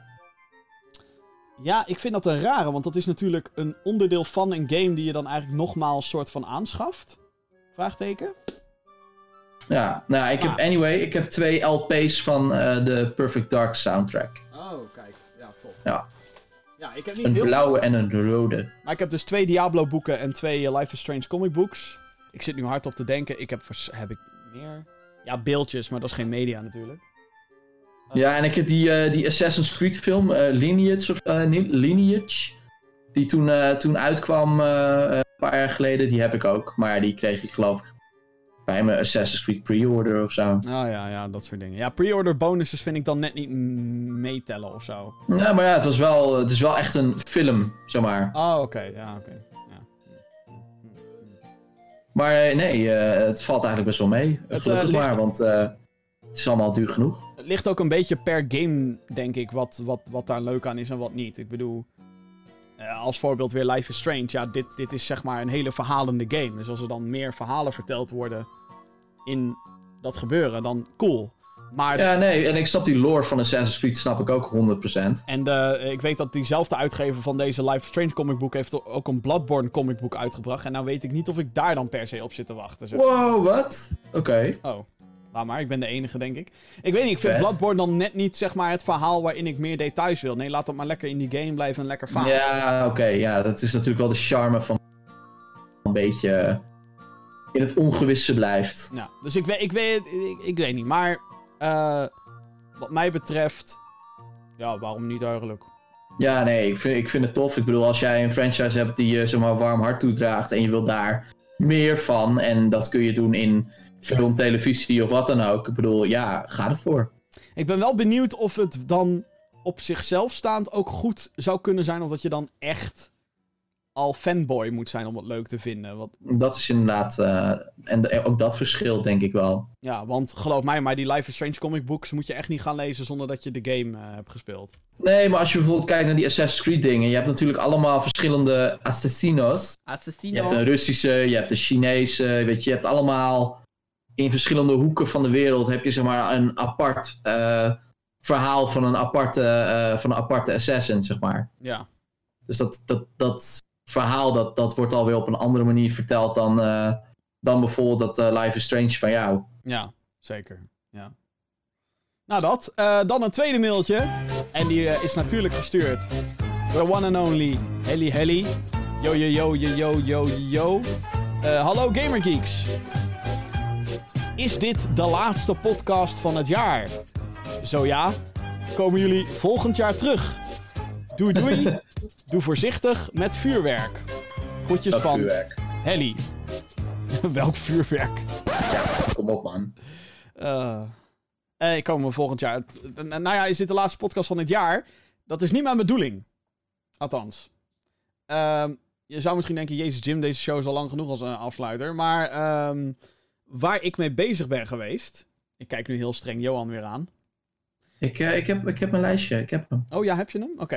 Ja, heb ja, maar namelijk ik ben er alleen alle- niet tevreden mee, maar ik heb Oh, hem wel. ja. Ik heb aan alle geeks gevraagd, want hey, het is het einde van 2019. Dat is het einde van. We zijn weer lekker origineel, by the way. Uh, we zijn aan het einde van een tijdperk. In de letterlijke zin van het woord. Het einde van Mhm. een decade. Uh, Decennium. dus ik heb aan alle geeks gevraagd of zij hun top 15 games of the decade wilden opsturen. Ehm, zodra ik alle lijstjes heb. Nou, Johan is net klaar, hij is de laatste. Eh, die nog moet inleveren. Het is gewoon een moeilijke kut op hij had het er heel moeilijk mee, ik weet het. Dus van 2010 tot en met 2019. Ik ben nog steeds niet blij. Nou ja, ik ook niet. Dat is het erg. maar je moet gewoon die knoop doorhakken. Dat is gewoon, ja. Eh, dus wat vinden wij de beste games van de afgelopen 10 jaar? Eh, Dus al die lijstjes die ga ik ze straks bij elkaar zetten. Ga ik, ah, heb ik een puntentelling heb ik daarbij verzonnen. Dat ga ik dan allemaal bij elkaar optellen. En als er dan gelijkmakers zijn, dan moeten we onder de geeks weer gaan overleggen. Welke dan van die twee of whatever dan daadwerkelijk beter is. En daaruit komt dan een ranglijstje. En dat zijn dan de Gamer Geeks Games of the Decade. Ehm, worden, Ja. dat, worden dat legit games? Nou, ik weet nu al dat heel veel mensen gaan schelden, want spoiler alert: The Legend of Zelda Breath of the Wild gaat waarschijnlijk niet hoog eindigen, bijvoorbeeld. Ehm, en dat, dan merk je ook meteen weer van: oh shit, we, we zijn nu met vijf geeks, zeg maar, die dan nu dat lijstje hebben ingevuld. En je merkt dan ook dat we ook onder die vijf dan heel veel niet hebben gespeeld. Snap je? Ja, of gewoon niet, niet voldoende om hem in een, eh, in een top 15 eh Of dat, ja, natuurlijk. Te knallen. je ook, ja. Want de, de, de, de waarden en de smaken en zo, dat verschilt ook heel erg. En dat, daarom is het juist interessant om dan ineens in die lijstjes... Er zijn een aantal games die zeker door meerdere geeks zijn voorgedragen als... hey, dit is fantastisch. En dit is wat de, het beste van de afgelopen tien jaar. Wat dat. Beter ook dat hij erin staat. Godverdomme. Ik weet nou echt niet over welke die het heeft, dus... eh, Nee, dat houden we nog even spannend. Maar als hij er niet in staat, dan, eh, nou ja, ruzie, oh god. dan, dan merk je het wel. Er is een aardbeving in Amsterdam. ja, en komen we volgend jaar terug met een podcast? Nou ja, eh, als het aan mij ligt wel. Sterker nog, eh, ik denk... eh, ik, ik, ik, Ja, laten we maar wel doen, toch? Ja. Ja, nou ja, dat, dat sowieso. Eh, sterker nog, ik denk, ik denk dat het eh, misschien wel het leukste jaar kan worden voor de Gaming Geeks podcast. Ehm, ja, ik ben, ik ben nogal bezig geweest met dingetjes. Ehm, ik eh, wil sowieso wat meer gasten in de show hebben. Ik heb wel wat mensen gepookt en die, die, die, die pook ik eigenlijk al maanden zo van... Ja, moet het snel doen, moet het snel doen. Eigenlijk om ze warm te houden voor volgend jaar. Wie dat zijn, dat laat ik nog even in het midden. Maar dat lijkt me heel erg leuk om meer, eh, om meer meningen in deze show te horen dan alleen maar... Hè, Johan mij, Jesper mij, eh, Vincent mij, Jeroen mij. Ehm, Mhm. En ehm, nou, het gaat misschien een beetje anders klinken volgend jaar. Een heel klein beetje anders. Heel- Eerlijk, kritisch en direct. Dit is de Gamer Geeks podcast. Eh, sneak peek? misschien een klein beetje. Maar dat merk je allemaal in 2020 wel. Anyway, eh, daarmee zijn we, godzijdank, eindelijk aan het einde gekomen van deze Praise the Lord. lange aflevering van de Gamer Geeks podcast. Mocht je deze show enigszins leuk vinden en je bent nog niet via een podcastdienst geabonneerd, zoals Spotify, eh, iTunes of, of Google Podcast, eh, hallo. Doe dat dan even, want daar help je ons heel erg mee als je een recensie kan achterlaten op die podcastdienst. Eh, doe dat dan ook, 5 sterren, 10 out of 10. Je weet het wel, daar help je ons heel erg mee met het eh, algoritme en zo. Dan komen we hoger in die toplijstjes. Eh, we hebben ook een videoversie. Dit gaat waarschijnlijk 14 uur duren om dit ooit te uploaden. Maar hey, eh, daar doen we het allemaal voor. YouTube.com slash GamingGeeksNL. Abonneer daar ook op, eh, want eh, wij maken daar ook videocontent. Naast deze podcast dan natuurlijk. En voor meer, zoals releaseoverzichten, releaselijsten en nieuws. En natuurlijk al onze andere content, zoals deze podcast en de video's. eh GamerGeeks.nl, dat is de website waar je naartoe moet. Johan, Yes. fijn dat je erbij was. Ja. Prettige ja. feestdagen, holy fuck. Ja, inderdaad. Eh, het is gewoon godverdomme bijna, bijna kerst. Godverdomme, bijna kerst. Nou, nou. Ja, het is godverdomme bijna kerst. Kerst, Ah, uh, kerstmis. Kerstmis. Kerstmis. Krijg toch de pest. Ja, jij ook, eh, jij ook fijne feestdagen, Jim. Ja, zeker. Ik, eh, ik spreek je, denk ik, nog wel voordat eh, we het jaar sluiten. Ja, dat denk ik ook wel. Ja, ja wie, wie volgende week eh, met mij die laatste show gaat doen, ik heb nog geen idee. Nee, ik heb ook nog geen datum eh, gehoord, dus laat me weten. Desnoods doe ik het in mijn eentje of whatever. Maar hou daarvoor de Twitter in de gaten, at GamingGeeksNL, wanneer dat allemaal gaat gebeuren. Goed, Just. dames en heren, dit was de 110e aflevering van de Gaming Geeks podcast. Ik wil je heel hartelijk danken als je zo lang hebt zitten luisteren. Ehm, of kijken eh, naar deze show. Dankjewel, tot de volgende keer. Eh, en doei. Yes, later.